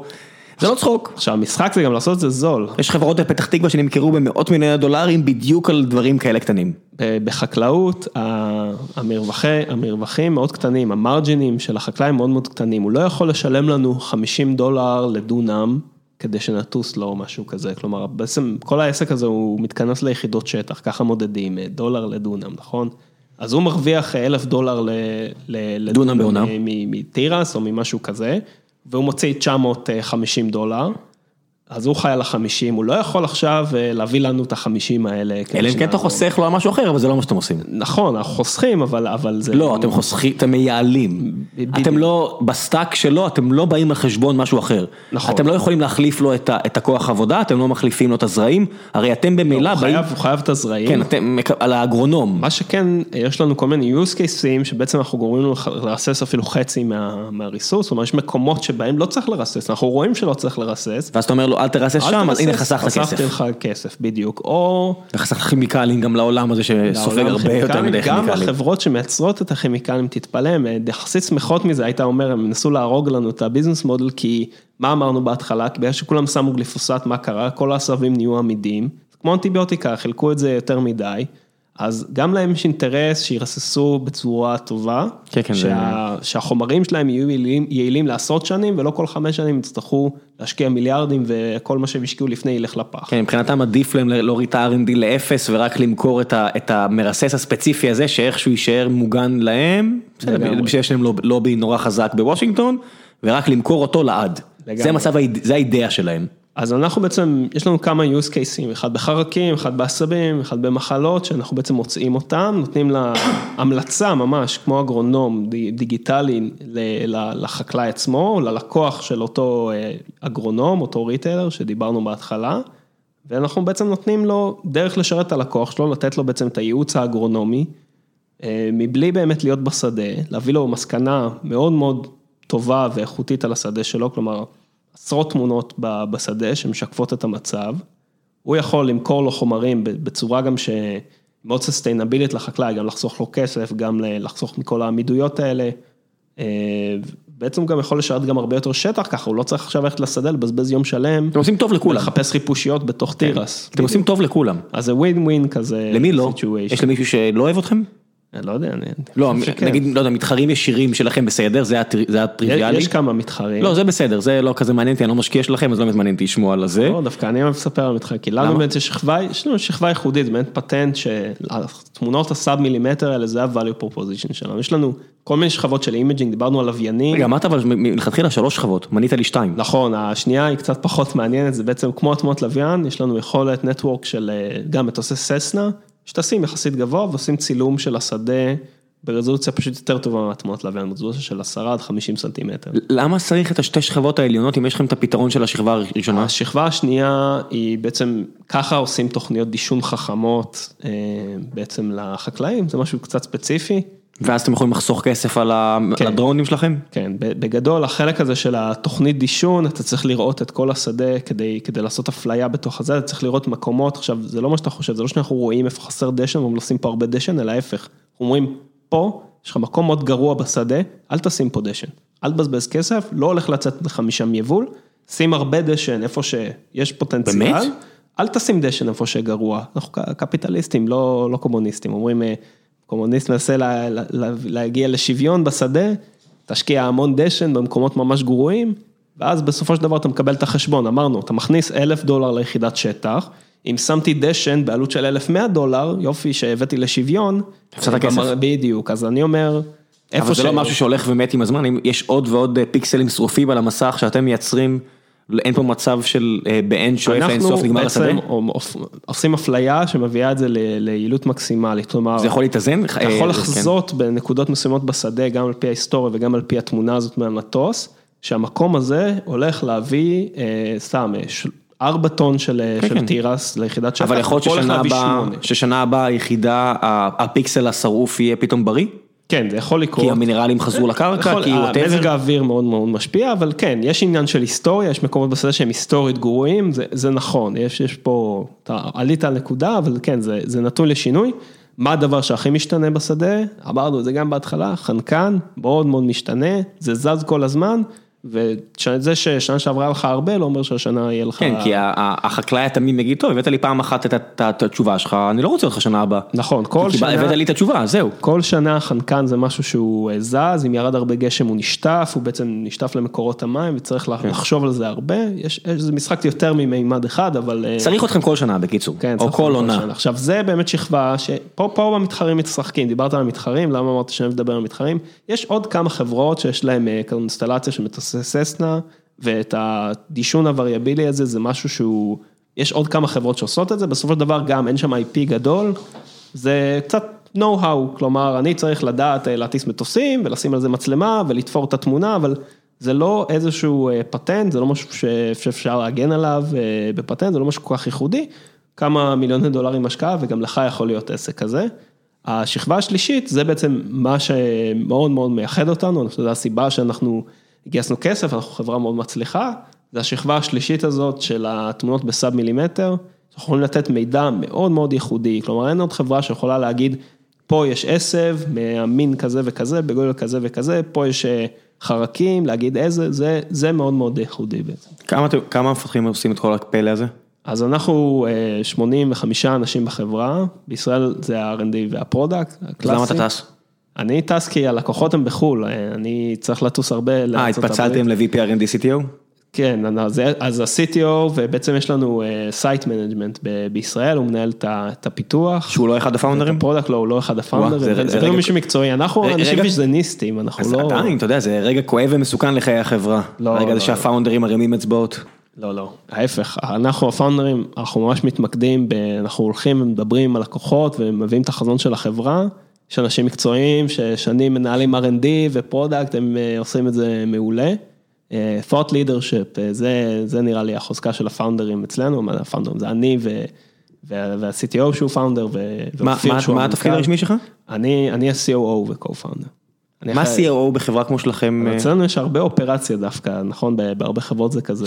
למשל, Chief Operation Officer? כן, כן. זאת אומרת בכל חברה כמו CTO, בכל חברה זה ככה זה. COO, לא יודע, זה השני, הזה שליד המנכ"ל. לא, לא, זה לא עובד ככה, בכל חברה זה משהו אחר לגמרי, אתה יודע, לגמרי, מעניין אותי. בגלל זה מה זה COO ומה זה CTO אצלכם. בהתחלה אני הייתי אחראי למוצר בעצם, ועל האופרציה, היום כבר גדלנו, אז אני כאילו, הורדתי את ה- נקרא טלפיים שלי מהמוצר. יש לכם CPO? אה, לא, יש VP product, VP product, אוקיי. כן, ואני, אני, עושה הרבה, הרבה אאוטבן, ואחראי ל- על ה- בעצם על הדלבור של המוצר, נקרא לזה.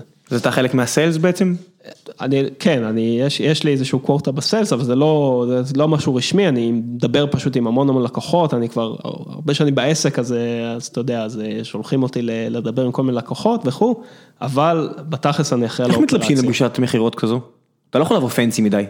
כן, אה, קודם כל צריך לבוא בארצות הברית חולצת פלנל. פלנל חייב, אה, כחולה ריבועים, אדומה, עדיף. ג'ינס כמובן. אבל אתה לא יכול לבוא ג'ינס טוב אם מדי. אתה בדרום, כדאי שתבוא חמוש גם, אני יכול לומר לברכה, יש לי תמונות עם אה, נשק וזה, חולים לא שם צוחק? בנשק, אני לא צוחק, הם מאוד מתלהבים מזה שהייתי בצבא, ואני יודע מה זה M24 ו-M4 ו-M16, ו... ברור, בן אדם, אתה יודע, אני, אני ביקרתי, אה, אני מת על החרא הזה, ביקרתי, אה, יש לי חבר טוב, אני לא אציין אפילו באיזה state הוא, כדי לא לשרוף אותו יותר מדי, והיינו צעירים וטיפשים, אני מבקר אותו, וכולם טיפה מסטולים, והם אומרים, בוא נצא למטווח. אני אומר לו, כאילו בעברית זה לו בליפ, שם שלו, אחי, מה, אמרת להם על השירות שלך, אחי, מה, מה קורה פה? אנחנו מגיעים למטווח, ואני רואה אותו מנהל את המטווח איתם, והם מוצאים מה, מה, מה, אה, מהבגאז' קלאצ'ים. אני- ואני מדבר בעברית, אני מקפיד לדבר בעברית, אני עושה לו, אחי, מה קורה פה? מה אמרת להם? היית בהנדסה קרבית, מה מכרת להם פה לוקשים? הם מתייחסים אליו כאילו מינימום, אתה יודע, מדריך- לוטר ב- בסיירת, ואני אומר כאילו, או, קורה פה. ארצות הברית משוגעת מהבחינה הזו.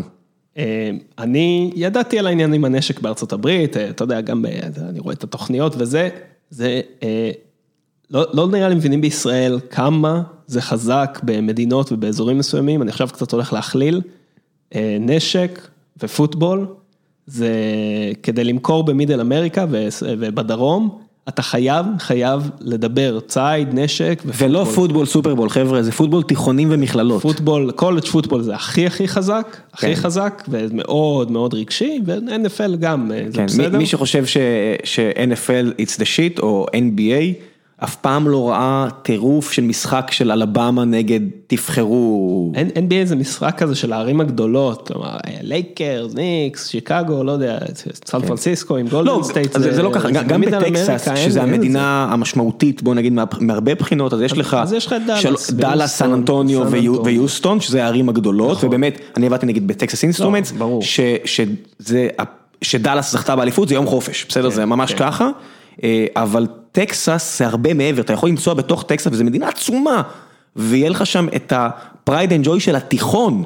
לא תגיד לי של, של, יש של לנו, יש לנו, יש לנו הרבה. לקוחות בטקסס, אחד בדאלאס, אז הוא אכפת לו מה- מהמאבריקס, אבל... אה, נניח, אתה יודע, וגם? אבל, אבל רוב החקלאים לא גרים בדאלאס, ובטח לא הלקוחות שלנו, וזה רק פוטבול, קצת בייסבול, כי זה מאוד פטריוטי, אבל כן. פחות בשביל הספורט, יותר בשביל לאכול נקניקיות בקהל. Friday Night Lights, זה, זה המושג הזה של האורות של יום שישי או של יום שבת של, של הקולג' שלך ושל התיכון שלך. ובטקסס בכלל, אתה חייב לדבר ציד, נשק ופוטבול, או שאתה לא נכנס בדלת, זה לא, זה לא tech, כלומר ב-industry, ב- בחקלאות, אתה חייב לדבר את זה, אחרת אתה, אני, לא רואים, אני יושב פה, אבל יש לי זקן ואני טיפה חום, אחרת אתה הבן אדם החום המוזר, ואף אחד לא יעשה איתך עסקים. כן, אני באתי להגיד איזה מילה גזענית על שאומרים אנשים חומים מהמזרח התיכון, אני לא אגיד את זה. חבל הזמן, גם כן. אתה יודע, אני ג'ויש, כאילו, זה, האזור הזה כן, האף שלך באמריקה, מסגיר, אתה לא, כן.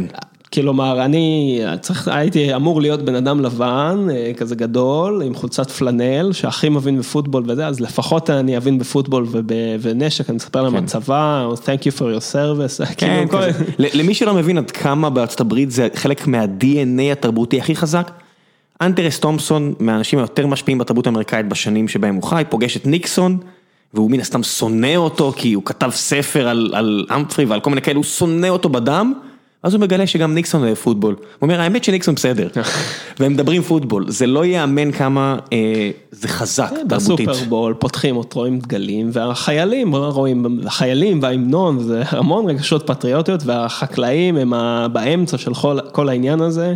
אה, אתה נוסע באיווה, שזה גם, אגב, מעוז דמוקרטי די גדול, כלומר, עכשיו הבחירות, הבחירות הראשונות, מאז ג'ימי קרטר, בוודאי. בדיוק, אבל, שהחקלאי. אבל מה, מה האזור הדמוקרטי באיווה? איווה סיטי, איפה שהאוניברסיטה ויש הרבה... אה, פוטבול מכללות מהטוב, המכללה של פוטבול, זאת אומרת מי שמשחק באיוניברסיטי מגיע נכון. ל-NFL. מעוז דמוקרטי ענק, מעוז רפובליקני ענק, זה המחוזות באיווה שמגדלים בהם תירסים. כן. בדיוק כמו בטקסס שאוסטין הבירה היא המקום הכי ליברלי בעולם פחות או יותר, כן. מגניב, אחלה מקום, מסביב זה אדום. חבל על הזמן. כן. אה, גם ככל שאתה יותר קרוב לגבול המקסיקני, אתה גם נהיה יותר ויותר אדום.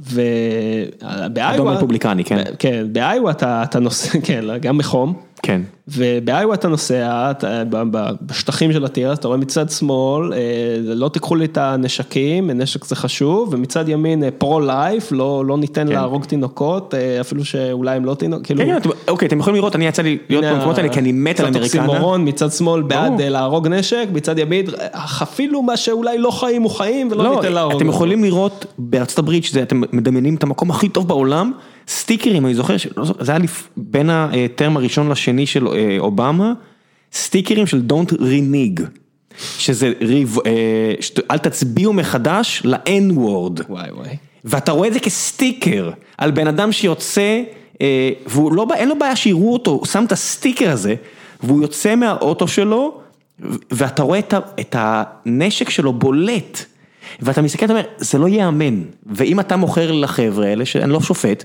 אתה חייב לדבר אליהם בשפה שלהם. אז הנה, אני, אני נגיד, התחלתי קצת לשפוט, אמרתי, אני לא אוהב שהם הורגים, הם נורא אוהבים ציד, זה מאוד אמבדד בתרבות במידווסט. ו- זהו, אני, קשה, קשה לי עם התפיסות האלה, כי אני שומע את ג'ו רוגן, וזה הפודקאסט שעליו גם מבוסס זה, והוא אה, הסביר לי למה צייד, זאת אומרת, כן. הסביר לי כמאזין, כאחד מהשלושים מיליון שמאזינים לו, למה צייד מחזיק את הטבע האמריקאי. בדיוק מה שבאתי לציין, כלומר, ראיתי זווית אחרת לעניין, אפשר... זה אה, התחיל מטדי רוזוולט, שייסד את הסיפור הזה, מי שלא מבין, ארה"ב יש שטחים, שטחים, שטחי טבע מטורפים, ואלה אם כן זה אה, טים סוויני, המנכ"ל של אפיק, פורטנייט וכאלה, שהוא מנצל את הכסף שלו כדי לקנות שטחי טבע ולדאוג שאף אחד לא ייגע בהם, אז זה, זה, זה נחמד אם יש לך כזה מיליארדר נחמד, או אוהב טבע, רוב הטבע בארצות הברית אה, מסובסד על ידי חקלאים, וזה אם אתה צד חיה, אתה חייב בחוק לקחת את הבשר שלה איתה. נכון. אתה יודע, ראיתי אה, גיא רולניק ועדר אה, אה, שונאי פייסבוק סביבו, חגגו בטוויטר, מרק צוקרברג יצא לצוד חזיר, אני שונא אותו יותר מאי פעם, אני אומר, ניסיתם פעם להבין כאילו מה זה, א', זה, זה דבר שזה מחבר אותך לאוכל, אין אבסטרקציה, כמו שדיברנו עליה בתחילת הדרך, אתה אוכל את זה, זה אוכל הרבה יותר בריא, כי זה גיים, זה בשר שחי בטבע. זה לגמרי נכון, בנוסף גם יש עניין של האוכלוסייה, אתה, אתה, אין, אין הרבה טורפים טבעיים יותר בטבע, לא, כן. שלא כמו באולי אפריקה או מקומות מסוימים. אין, מת בכל העולם, נגמר. ובדיוק, אז, אז באיזשהו שלב האוכלוסייה של החזירי בר, או כן, בטקסס, כן. יוצאים משליטה. טד ניוג'נט יכול זה- להיות על מסוק ולירות באלפי חזירים, כי יש... אני מכיר מישהו שיש לו היואי ממלחמת וייטנאם, עם וול, שתי וולקנים עליו, והוא כן, זה טד ניוג'נט. מקבל, מקבל, אה, אוקיי, אז אני מכיר אה, ב- מישהו אחר. לא, אני אומר, זה, אתם לא צריכים, לא צריך ללכת למישהו שלא מכירים, תחפשו טד ניוג'נט ביוטיוב, זה נקרא פורקלו- פורקליפסה. כן, הוא- יש לו, הוא מקבל רישיון גם, אה, כן. יש לו tag, עשרת אלפים tags של חזירים, הוא פשוט... אה, בוודאי, ותלכו ל upstate ניו יורק, ויש להם בעיה עם Lyme disease, כי איילים מביאים את זה, ויש שם, זה יצא מכלל שליטה, אז הליברלים אומרים, אומר, אל תהרגו. אל תראו בבמבי, מה בדיוק. בבמבי, כי גדלתם מה- על מה דיסני. זה הלקוחות האלה, לא כן. רוצה, אז, אז, אה, לא, אז יש חייב. פה שתי צדדים, יש פה שתי צדדים, אני, אני לא צד, אני לא אוהב את זה, אבל אני נחשפתי לעוד צד, בוא נקרא לזה ככה. לא, זה, זה, זה, אנשים הרבה פעמים מבורות לא מבינים, זאת אומרת, אם אתה באפריקה, ואתה, את או אתה מצטלם להיעדרו של אריה, אין לזה שום הצדקה. נכון. אפס הצדקה, אפס הצדקה. או ג'ירפה, או פיל חס וחלילה, או דברים כאלה. אפס הצדקה, זה דבר מזעזע בעיניי, אפס הצדקה, וגם לזה יש אנשים שיגידו, ככה מחזיקים בשמורות, בסדר, בסדר, בסדר, בטוח אפשר למצוא דרך אחרת. אבל אם אתה באזור בארצות הברית שיש בו יותר מדי צבעים, והם מסכנים, אה, הם עול- עולים על הכביש, וכל הדברים האלה, כן, לעשות תאונה עם דבר כזה, אתה מת, מוות. זה מוות, זה 700 קילו, או, או זה חיות עצומות, לכו לספארי ברמת גן תל אביב, תראו, זה חיה עצומה, וזה יכול להחזיק משפחה לצייד, אה, אוכל למשפחה לשנה. לגמרי, הם זה כולם לא באמת ייאמן. אוכלים את זה, הם עושים אה, גם צ'ילי מזה, כל מיני כן, תבשילים, זה מאוד צ'ילי קון נחמד. קרנה וכל מיני דברים כאלה. פה אני disclaimer, אני נגד להרוג בעלי חיים, אני לא צד, לא- לא לא שאני אצא פה איזה זה. אתה טבעוני או ש... לא, לא טבעוני, אבל... זאת אומרת, אתה אוכל בשר, אה, תעשייתי. כאילו, כן, לגמרי, כן. אני סוגני, לא יודע איך קוראים לזה. מה זה סוגני? אני מרחם על כלבים, אוכל עופות, לא יודע, זה... טוב, יש לנו פה את קאטו פה לידינו, אה, אה, זה- שקראו על שם אדם שהרג בעלי טוניסאים לפני 200, אה, לפני 2000, זה קייטו, הרומאי, אוקיי. שהיה מסיים כל נאום ב... ואני אוסיף את קרטגו must go away, או לא יודע איך זה נקרא בלטינית, קרטגו must be destroyed, ובסוף פיזרו להם מלח בשדות, ואנשים כמוך לא היו יכולים לעזור לו, להם. לא משנה כמה היית מצלם, אם יש מלח בשדה הזה, זה it's done. אתה יודע, יש לי סיפורים מאוד מוזרים על לפזר דברים בשדות, יש לי לקוחות שהם בעניין הם אמיש, אה, מכת העמי שהם חקלאים מאוד יש מאוד חקלאים טובים. אמיש? כן, הם, הם חקלאים מאוד מאוד טובים, יש גם כל מיני רמות של האמיש, קצת כמו אולי העולם החרדי נקרא לזה, שיש לך מאוד מאוד קיצוניים, יש לך גם יותר light, אז יש שם, ויש כל מיני, יש Mennonites, שזה עוד איזשהו הסתעפות שם. אני חושב ששותף של אדם נוימן ב WeWork הוא כזה. וואלה, באמת. נראה לי. אוקיי, אז הם, אז הם אה, חקלאים מאוד מאוד, אה, כאילו, Mennonites הם אה, בכלל קהילות חקלאיות אה, מאוד גדולות. הם לא אנטי טכנולוגיה? אז חלקם אה, מאוד אנטי טכנולוגי והם יעשו את החקלאות עם אה, ממש אה, עם סוס ומחרשות ודברים כאלה וחלקם אה, לא יפעילו את הטרקטור אבל יהיו מוכנים לשלם למישהו להפעיל אותו. כן, השטויות של דתיים בארץ, של אה, כן, מעלית שבת. ויש מישהו שכן יהיה מוכן לרסס, אה, המרססים הם קצת יותר טכנולוגיים, הם פועלים על אה, GPS ומנועים, אבל הם יחברו לזה סוס ולא טרקטור נגיד, ויש לך כל מיני באמצע, אוקיי? אנחנו עובדים על אלוהים, כן. אז אחד מהם החליט שבעצם נקרא starter, שאתה זורע, נהוג גם לשים דשן, ומה הדשן הכי טוב שהוא שם? הוא מטביע את השדה שלו ב Mountain Dew, זה כמו ספרייט, אה, של, של נראה לי של קבוצת פפסי, בארצות הברית, הוא מטביע את השדה שלו ב Mountain Dew וזה הדשן שלו, כל מיני דברים כאלה, או היה עוד... זה לא כזה מונפץ, כי אני מניח שיש שם את הכימיקל שטוב לאדמה. לא יודע, זה תשמע, כן מונפץ? זה קצת מונפץ. הבנתי. או כאלה ששמים חלב במערכת השקייה, כל מיני, כל מיני דברים... אה, אתה עוצר מדי פעם להגיד להם, חבר'ה, אתם חיים בסרט? לא, או שזה לא מקומך? אני, אני אלמד אותם, הבן אדם הגיע למצב שהוא מטביע את השדה שלו בספרייט, הוא, אין משפט שלי, אין לי, אין לי איך לנסח משפט כדי להוציא אותו מזה כבר. הבנתי. טוב, בוא נעבור קצת לשאלות מהקהל, כי אנחנו. פה כבר אה, בתשע ועשרה, ומתישהו אה, אשתי אה, תוציא צו מאסר על- על על החצוף. מה? כן. כן, הגזמנו, לא נורא, בקטנה. פעם הפרקים גם היו ככה, לפני שאין מה לעשות, נגמר הזמן בחיים. לפני שנגיע לשלב השאלות מהקהל, נעבור לדבר המפרסם. היי, אז אה, לפני שנחזור לפרק עם אה, אייל ולשלב השאלות מהקהל, כמו שהבטחתי לכם בפתיח, אני הולך לספר לכם עכשיו על, אה, על הבובה האחרונה שהתווספה לאוסף הבובות ההיסטוריות שיש לי על השולחן העבודה במשרד. ואנחנו מדברים פה על בובות שספציפית על זו שאני הולך לספר לכם, התוספת האחרונה לאוסף שלי, של חברה בשם פיסת היסטוריה. אה, מזכרות מקומיות בניחוח עכשווי שמייצרות מזכרות ישראליות, ציוניות, וחלק ממה שהם מפרסמים זה, אה, חלק ממה שהם מוכרים זה בובות היסטוריות קטנות נפלאות שאפשר לשים על המדף, על השולחן. ויש לי, אה, יש לי רבות מהן, ואת האחרונה שבחרתי להוסיף לאוסף, אני רוצה לספר לכם מעט עליה. זו בובה של חנה סנש. אני בספק אם כולכם מכירים, את השם אני בטוח שאתם מכירים, אבל את הסיפור של חנה סנש ולמה לפחות מבחינתי אה, היא מעוררת השראה, כי כל פעם שאני חושב על הסיפור הזה של מישהי שנולדה בהונגריה ועלתה ארצה והתנדבה ב... בארץ ישראל של ימי המנדט וב-43 בשיא מלחמת העולם השנייה כשיהודים בארץ ישראל מבינים פחות או יותר משמועות מה קורה באירופה היא מתנדבת לצבא הבריטי וזה לא תפקיד מנהלתי. חנה מתנדבת אה, לקבוצת צנחנים שצנחה על אדמת אירופה במבצע, בחלק מאוגדת הקומנדו של הבריטים, זה לא נתפס כמעט בעיניי, זאת אומרת, איך אפשר שלא לקבל השראה ממישהי שעושה דבר כזה, כל מה שצריך לקרוא את שיריה, אם זה אה, אשרי הגפרור או כל אחד מאחרים, אבל אצלי לפחות אישית, זה בעיקר אשרי הגפרור, כי אני מספר לכם הרבה על העיקרון הזה של intellectual germ, הרעיון הזה שמגיע מדן קרלין, וזה מגיע אצלו לפחות מה, מהסיפור של לנין ואיך שהוא הפיץ את הרעיון הקומוניזם שהגרמנים שמרו עליו, כי הם התייחסו לזה כמעין חיידק, והרי אשרי הגפרור נולד כשחנה סנש פוגשת אה, יהודים אחרים לפני שהיא נתפסת, אה, עוד שהייתה בקרואטיה, לפני שהם נתפסו בהונגריה, והיא, נתפסת והיא קולטת את עוצמת האמונה, בעצם את העוצמה של הרעיון הציוני, וכמה אה, זה, זה מביא לה השראה. והיא כותבת השיר הזה שרק במקרה עוד נהיה שיר מפורסם כי, הוא כמעט נזרק וההבנה, הרבה פעמים אנשים הם הרבה יותר מבשר ודם, הם רעיון. ומייצגים רעיון אה, מדהים שיכול לשנות את ההיסטוריה, יפה כל כך לקרוא או להבין כמה הבינו את זה עוד בזמנו, זאת אומרת כמה שנים מעטות אחרי מותה כששרידיה מגיעים ארצה, אז היא מקבלת את כל הכבוד שמגיע לה. בתור נציגה של הרעיון המדהים הזה שהוביל למדינת ישראל והארון שלה, אנשים טובים לוקחים אותו מבודפסט לווינה, ושם משלחת רשמית של מדינת ישראל דואגת להעביר אותו על גבי אה, סיפון אונייה עד לחופי ישראל.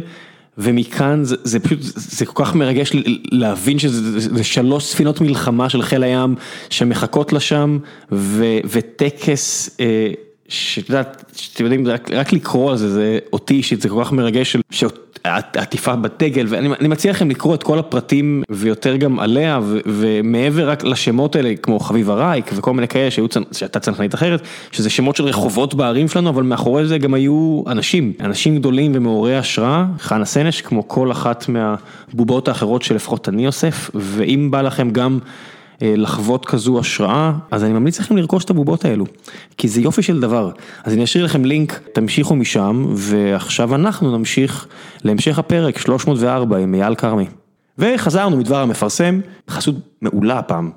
תראה בחדר שלי פה ליד, יש לי אוסף בובות היסטוריות, בובות היסטוריות ישראליות. דמויות כאילו מההיסטוריה הישראלית, חנה סנש, טרומפלדור, בן גוריון וכאלה, אז הוא לקח חסות על הפרק. אה, גדול. אז תדאג, לא מתחרים שלך משהו כזה, לא סינדלתי לא, אותך. בסדר, בסדר. טוב, יאללה, בוא נעשה קצת שאלות מהקהל. שנייה אחת, שנייה אחת. בוא נעשה קצת, לא, לא, לא נתפרע. ניצן דוד פוקס היקר, שיש לו אה, פודקאסט מדהים בשם המשחק הגדול. מי שאוהב גיאופוליטיקה בגבוה, הוא היה גם בגיקונומי, מעולה, מעולה, מעולה, מעולה. ברמה הכי גבוהה שיש בעולם, לא סתם הוא גם נקטף אה, לעשות אה, דברים אה, רלוונטיים. אה, אז הוא שואל ככה.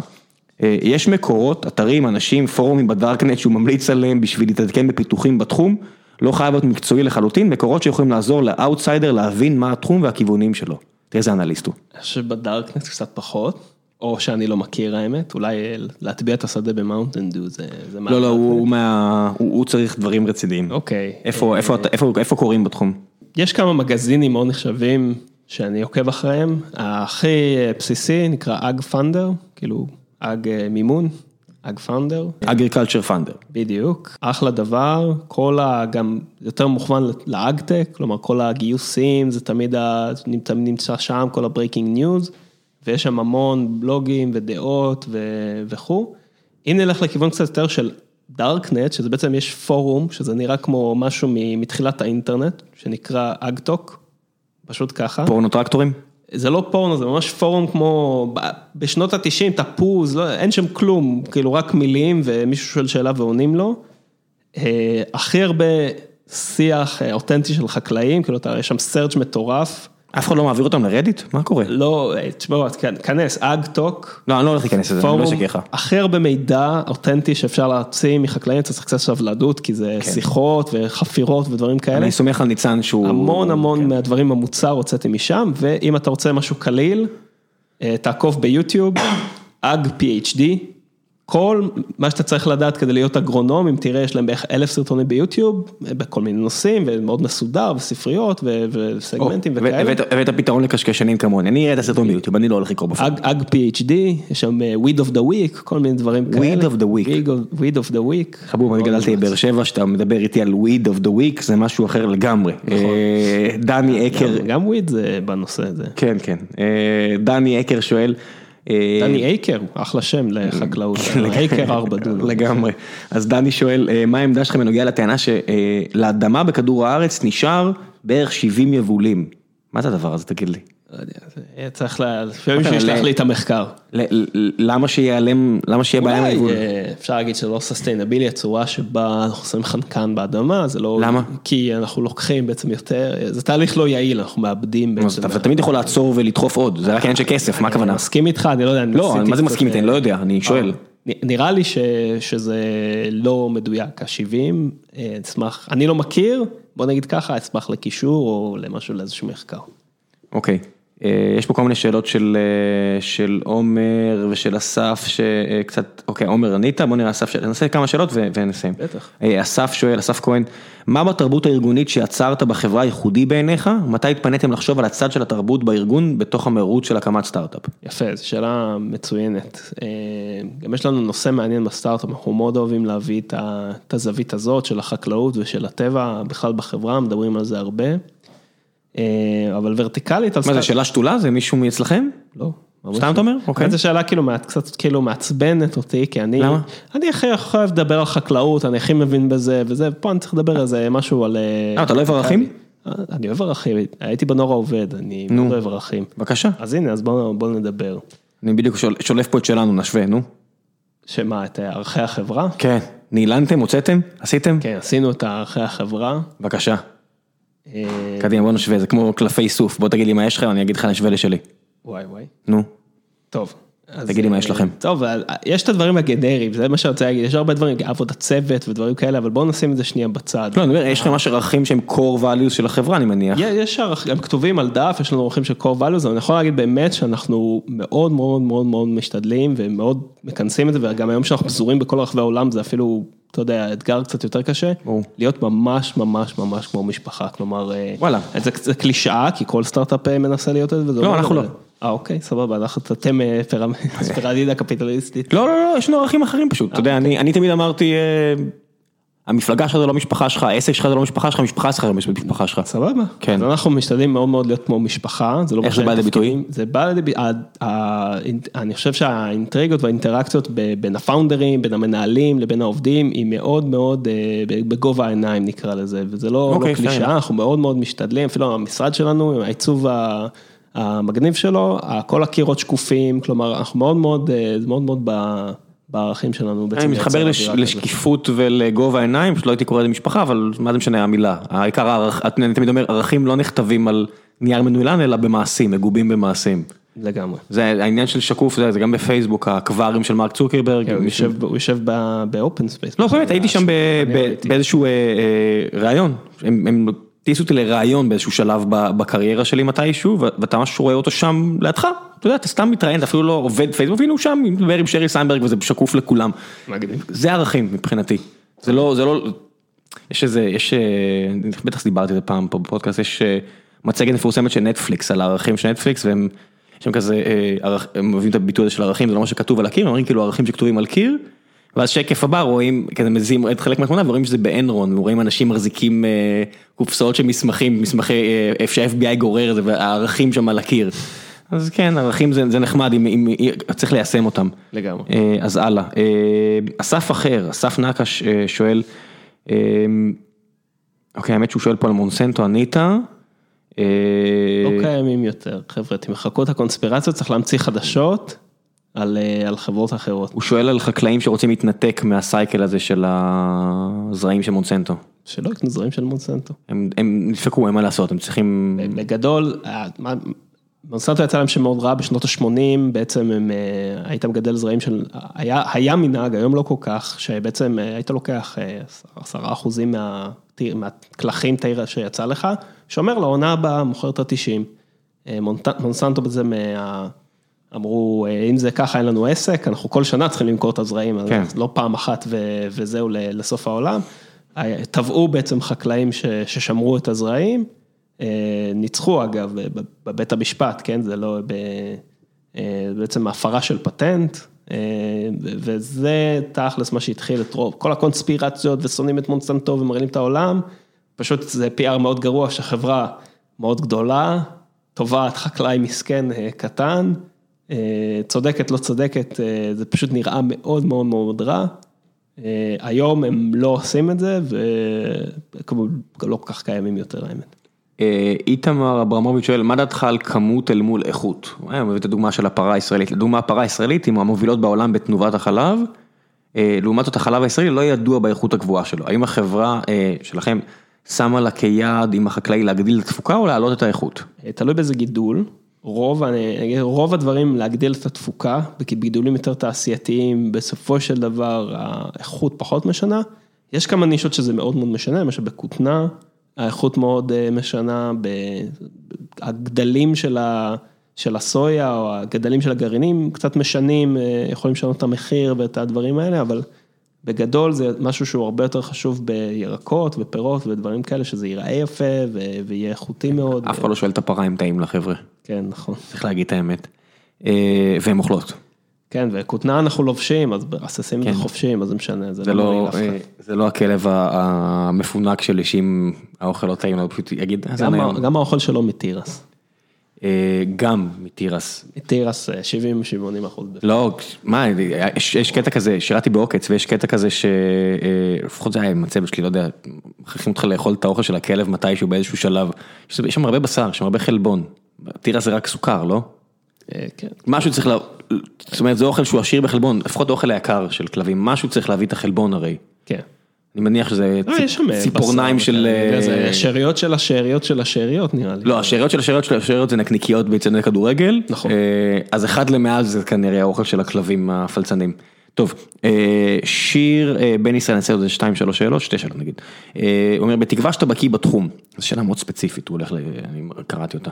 אה, האם אה, האם הסיפור על כך שיבוא אננס שלם אה, יחסל את מטעי האבוקדו בגלל חרקים מזיקים ושותפים הוא אמת? אננס זה חלם פה, אני נורא אוהב אננס, כל פעם שאני אני טס לברזיל, יש לנו משרד בברזיל, ארה"ב, אננס זול וכיף, ופה בארץ משלמים עליו כל כך הרבה כסף, נכון. פשוט עניין של חסם של יבוא, אין אה, עניין של... יש מח- מגדלי אננס בארץ. יש מגדלי אננס בארץ ובגלל זה אה, יש חסם מסוים על היבוא, כי הם לא רוצים... מה זה חסם? יש פשוט מכס נורא גבוה. מכס מאוד גבוה, כן. אמ, זה, זה לא רק באננס, אבל באננס זה, זה מאוד מתבטא במחיר וזה מעצבן.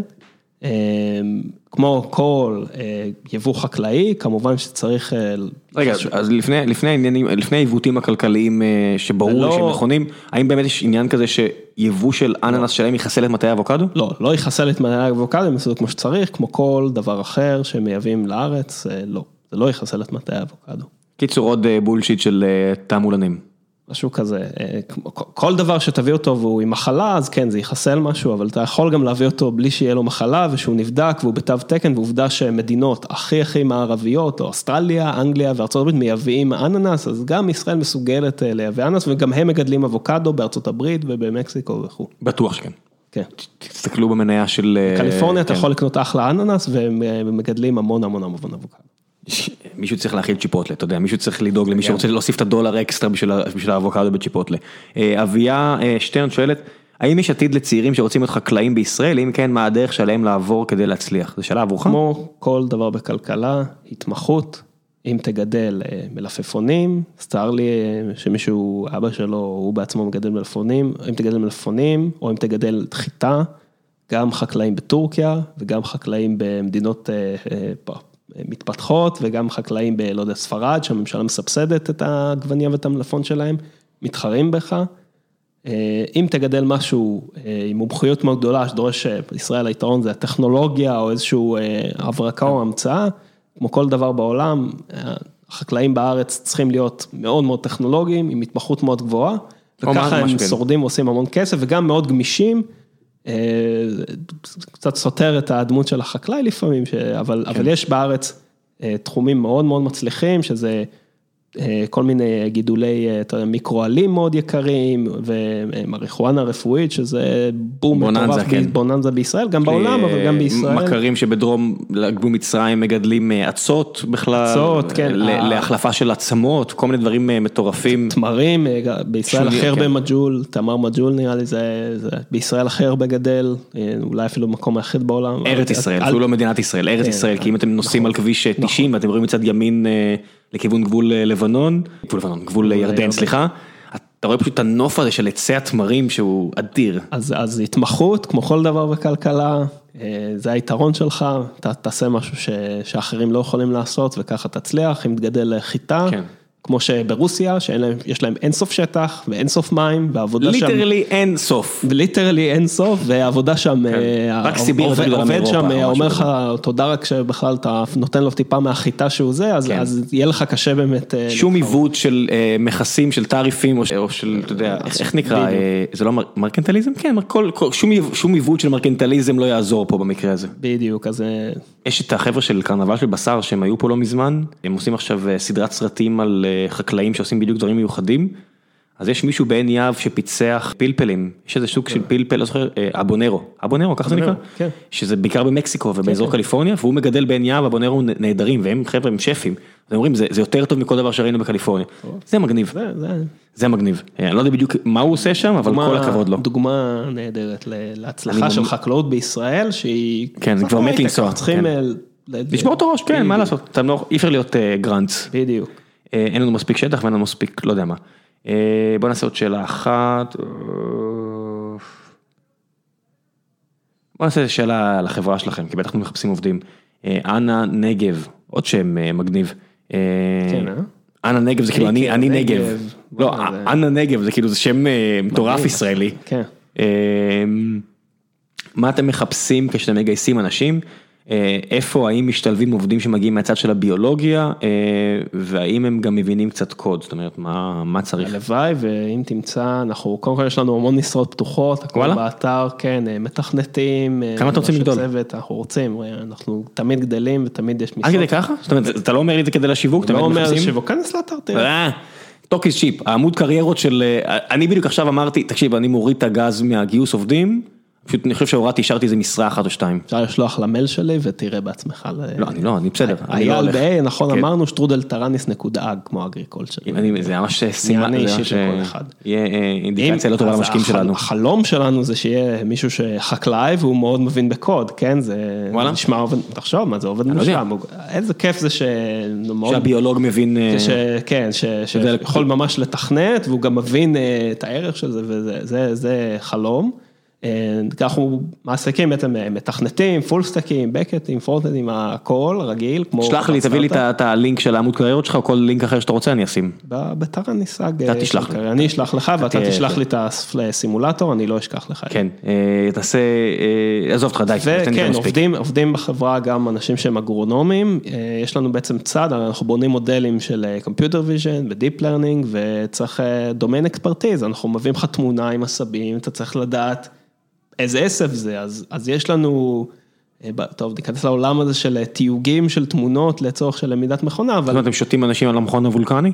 אז, אז אה, לא, לא, שוט, לא יודע אם שותים, אבל עובדים בחברה שלנו אגרונומים, גם בחו"ל וגם בישראל, ו, ולגמרי אנחנו צריכים הרבה פעמים את העזרה הזאת של בעצם להגיד מה יש בתמונה.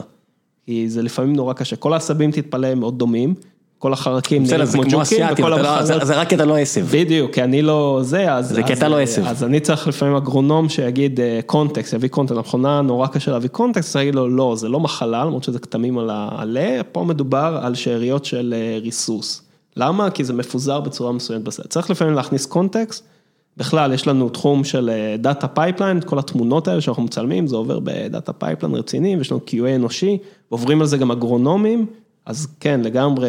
אה, אוקיי, תשים לינק, ואם אם- אם אה, עפתם על השיחה פה ובא לכם לעבוד איתה, למרות שאייל פה עובר לסאניווייל, לא תראו אותו. לא, אבל בסדר, אנשים יותר... אתה תהיה על. הקו? אני על הקו, וגם אני סתם, יש לנו באמת... אה, אני סתם. חבר'ה ב-R&D מאוד מאוד מוכשרים, אני לא יודע לקודד, אני למדתי כלכלה וראיית חשבון, מה אני קשור לזה בכלל? אני יודע, אתה פה בעסקי החקלאות ו... טוב, אני יודע לקודד, אבל גרוע, בסדר? בוא נגיד. אה, סבבה, זה גם אני. אה, מתרגש מהמעבר? כן, מה זה? מתי המעבר? ש- אפריל? כאילו מתוכנן ב-15 אפריל, אתה יודע, זה פלוס. זה מתוכנן, זה סאניוויל, אתה צריך כבר שתהיה לך דירה, אתה צריך... לא, זה כמו אתם ילדים? שם כזה, לא, קודם כל אנחנו בלי ילדים, הבנתי. אז זה כאילו יותר איזי, וגם כן. אה, זה, זה הנדל"ן שם מטורף, זה כמו בתל אביב, אתה ככה חוטף את הדירה. אה, נכון, אבל עדיין, לא- זה- לא, זה עכשיו אין דירות שמפורסמות לאפריל. לא, לא, זה. צריך אתה צריך להגיע שבוע לפני ו- כן. ולשלם הון זה תועפות. אתר עבור, אה, זילו, אני נכנס, כל הדירות הן למחר, ויום אחרי אתה נכנס וזה משתנה. כן, כלומר, אני- זה- אנחנו- אני אשל- אני אכיר לך בוואטסאפ. אה, תכיר לי את מי שאתה יכול, אני זה לא, יש בן אדם אחד. חדשים בסאני, אה, סבבה, אני אוסף לא, אותם. יש, יש את כל החבר'ה שלי, יש לי שם הרבה, הם פשוט גרים יחסית קרוב, בראש ובראשונה שותף שלי ש, שגר שם, וכל מיני חברים טובים שעברו לשם, אבל אתה צריך להכיר את ראש הממשלה בסאניוויל, מר איתי גולדה, לא יודע אם הוא שרד עד עכשיו, אם הוא בכלל התחיל לשמוע את הפרק הזה, אבל הוא זה שיכיר לך את, אה, את המקום. מגניב, אני, אני, יש לי חבורה בארץ והרבה חברים, עכשיו אני עובר לשם, זה צריך להתחיל מההתחלה, אני בן 33, אין לי כוח לא קל, לא קל. לא, תקשיב, דורון, דורון ראה את. הסופרבול לבד, אני צריך להכיר ביניכם, הוא ראה את הסופרבול לבד, זה לא יעלה על הדעת, הוא שלח לי בחמש בבוקר, אתה ער? אמרתי לו, לא. לא, אני עושה את הדבר הבוגר ולא רואה הפעם. אני גם הייתי אוהד אה, של הצ'יפס, כאילו, זה... מה? איזה עוד הצלחות אתה? לא קשור עד הצלחות, זה מדובר על, אה, כן, כאילו, הס- הקבוצה, בדיוק, זה הקבוצה של החקלאים. כולם כאילו. חקלאים בפוטבול. יראו אותי אוהד פורטיניינרס, אתה יודע, יש קצת איבה בין אה, סן פרנסיסקו למידווסט, כאילו, אה, אתה יודע, מתחת. כן, אתה הולך לגור. בסניביל. בדיוק, אז כבר אני קצת בוגד, אז כדאי שאני אוהד את אה, אתה לא פטריוט קצת. אתה ממש. והצ'יפס וכל ה- כל שאר קבוצות המידווסט, אבל קנית כבר בגדים של פוטבול? אתה מסתובב כאילו עם אה, jerseys? אה, אתה יודע, יש אה, גבול לכל תעלול. חשבתי אולי אני אקנה כובע, או יש, אחלה, יש לי עוד, האמת מי שקישר בינינו, ניב, ששלח לך. מי קישר בינינו? עובד שלך? כן, שלח לך מייל, קישר בינינו. כן, אני כבר לא זוכר. ניב כהן קוראים לו. כן, כן, הוא ממש אמר לי, אתה תהיה אורח נהדר, הוא צדק לגמרי, היה ממש יופי של פרק, אני בדרך כלל... קרדיט, והוא אוהד פוטבול גדול, והוא אמר שהוא יקנה כובע של הצ'יפס, ואני קצת מעתיק ממנו, אני גם אמרתי שאני אקנה. לא, אני בגלל החשיפה של המוח שלי לשמש, כי אין לי מגן בדיוק בין לבין, לך יש שיער, אז אתה עוד פחות טוב, אני ממש צריך את הכובעים, אני מסתובב בעיקר עם כובעי NBA, אני מת עליהם בתל אביב. אין לי הרבה כישרונות, ואני גם לא בחור כל כך יפה, אבל עדיין יש לי את השיער, זה באמת... בארץ אתה יותר טוב מ-95% מ-95% מהגברים פה. בינוני ברוב הדברים, אבל... אבל שיער טוב, יש לך good head of hair. יאללה, בוא נעשה חלק אחרון, המלצות, מה בא לך המלץ? אמרתי לך. אז... באת עם ספר. קודם כל באתי עם ספר, Founders at Work, זה ספר שהבאתי אותו, צחקת עליי שהבאתי ספר, נכון? כי אני צריך עכשיו... לא יודע, צחקתי עליך, באת עם ספר, זה היה מוזר. לא יודע, אמרתי, אני אעשה פדיחות בשידור חי, אני משום חשבתי שזה... אנחנו בשעה חמישים רק עושים פדיחות. כן, אז הספר מאוד מגניב, בעצם מספר על ההתחלה של כמה חברות מאוד מאוד מוכרות, כמו פייפל, וההתחלה של הוטמייל וטיבו וכל מיני חברות. עכשיו קיבלנו את הספר הזה כשסיימנו אקסלרטור של מייקרוסופט, הוא קצת השתנה בצורה שלו, אבל ככה בעצם התחלנו, היינו ארבעה חבר'ה, בלי ניסיון ביזמות. מה, הייתם אצל צחי? כן, בדיוק, היינו אצל צחי.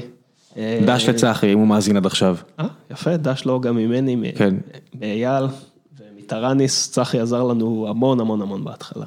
למרות שהוא כבר לא במייקרוסופט. נכון, נכון, עכשיו באינטל, כן. כן, בדיוק.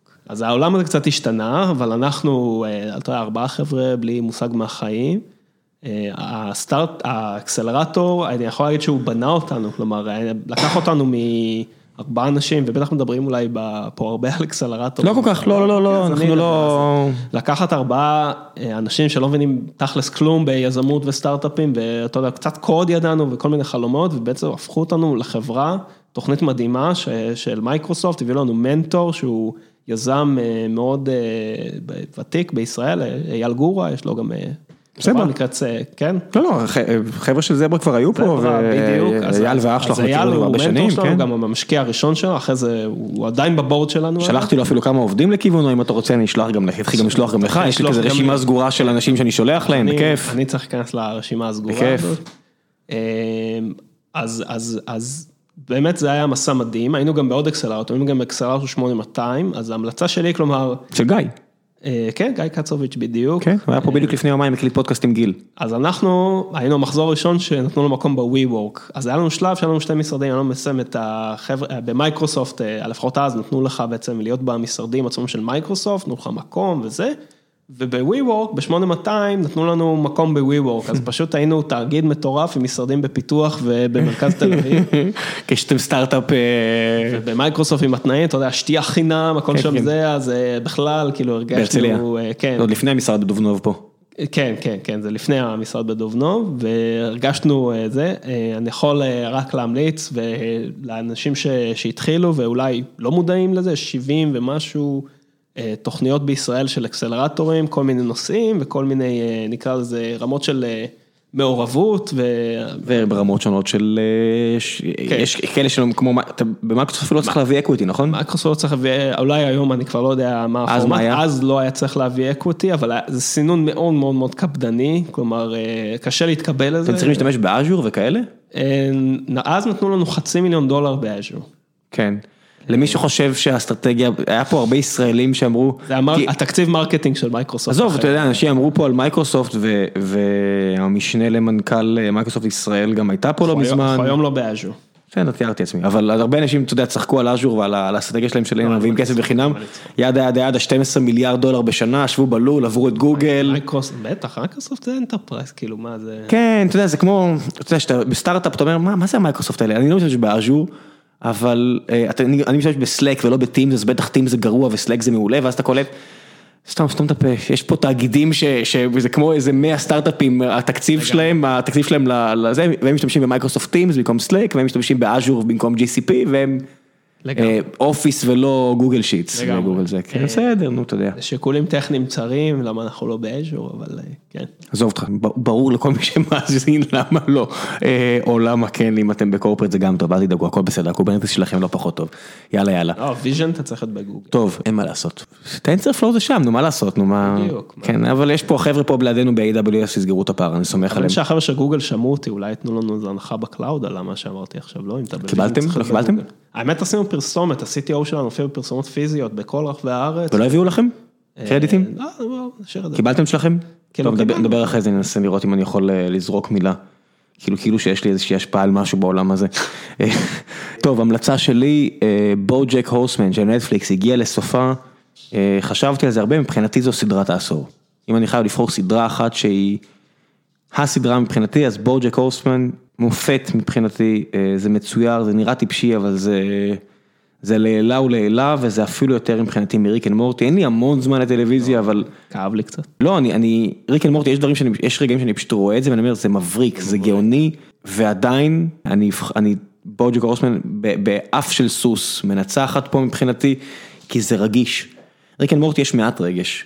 זאת אומרת, יש את הרגש עם, עם, עם הדמות של, של האבא, וזה הרבה, וזה זה דמות, הפרסומת מאוד מוצלחת בסופרבולים. שמה? אותי לפרינגלס, שהם בעולם של פרינגלס. וואלה, הם הת- הם התמסחרו, הם עשו פרסומת? תשמע, כולם אה, בסוף בטח אה, שילמו להם הרבה הרבה מאוד. בסדר, אני מבסוט על זה לגמרי, כולם צריכים להתפרנס ואחרת לא יהיה אה, סדרות, אבל כן, זה, זה, ממש close race מבחינתי ואני אלך על BoJack Horseman, אז הנה ההמלצה שלי. וזהו, יאללה, זה כמו פרק של פעם, שעתיים, טחנו את השכל מלא. חבל הזמן. יאללה, בן אדם, תודה רבה אייל, תודה רבה שהגעת, תודה שאירחת אותי. בכיף, ביי ביי. ביי.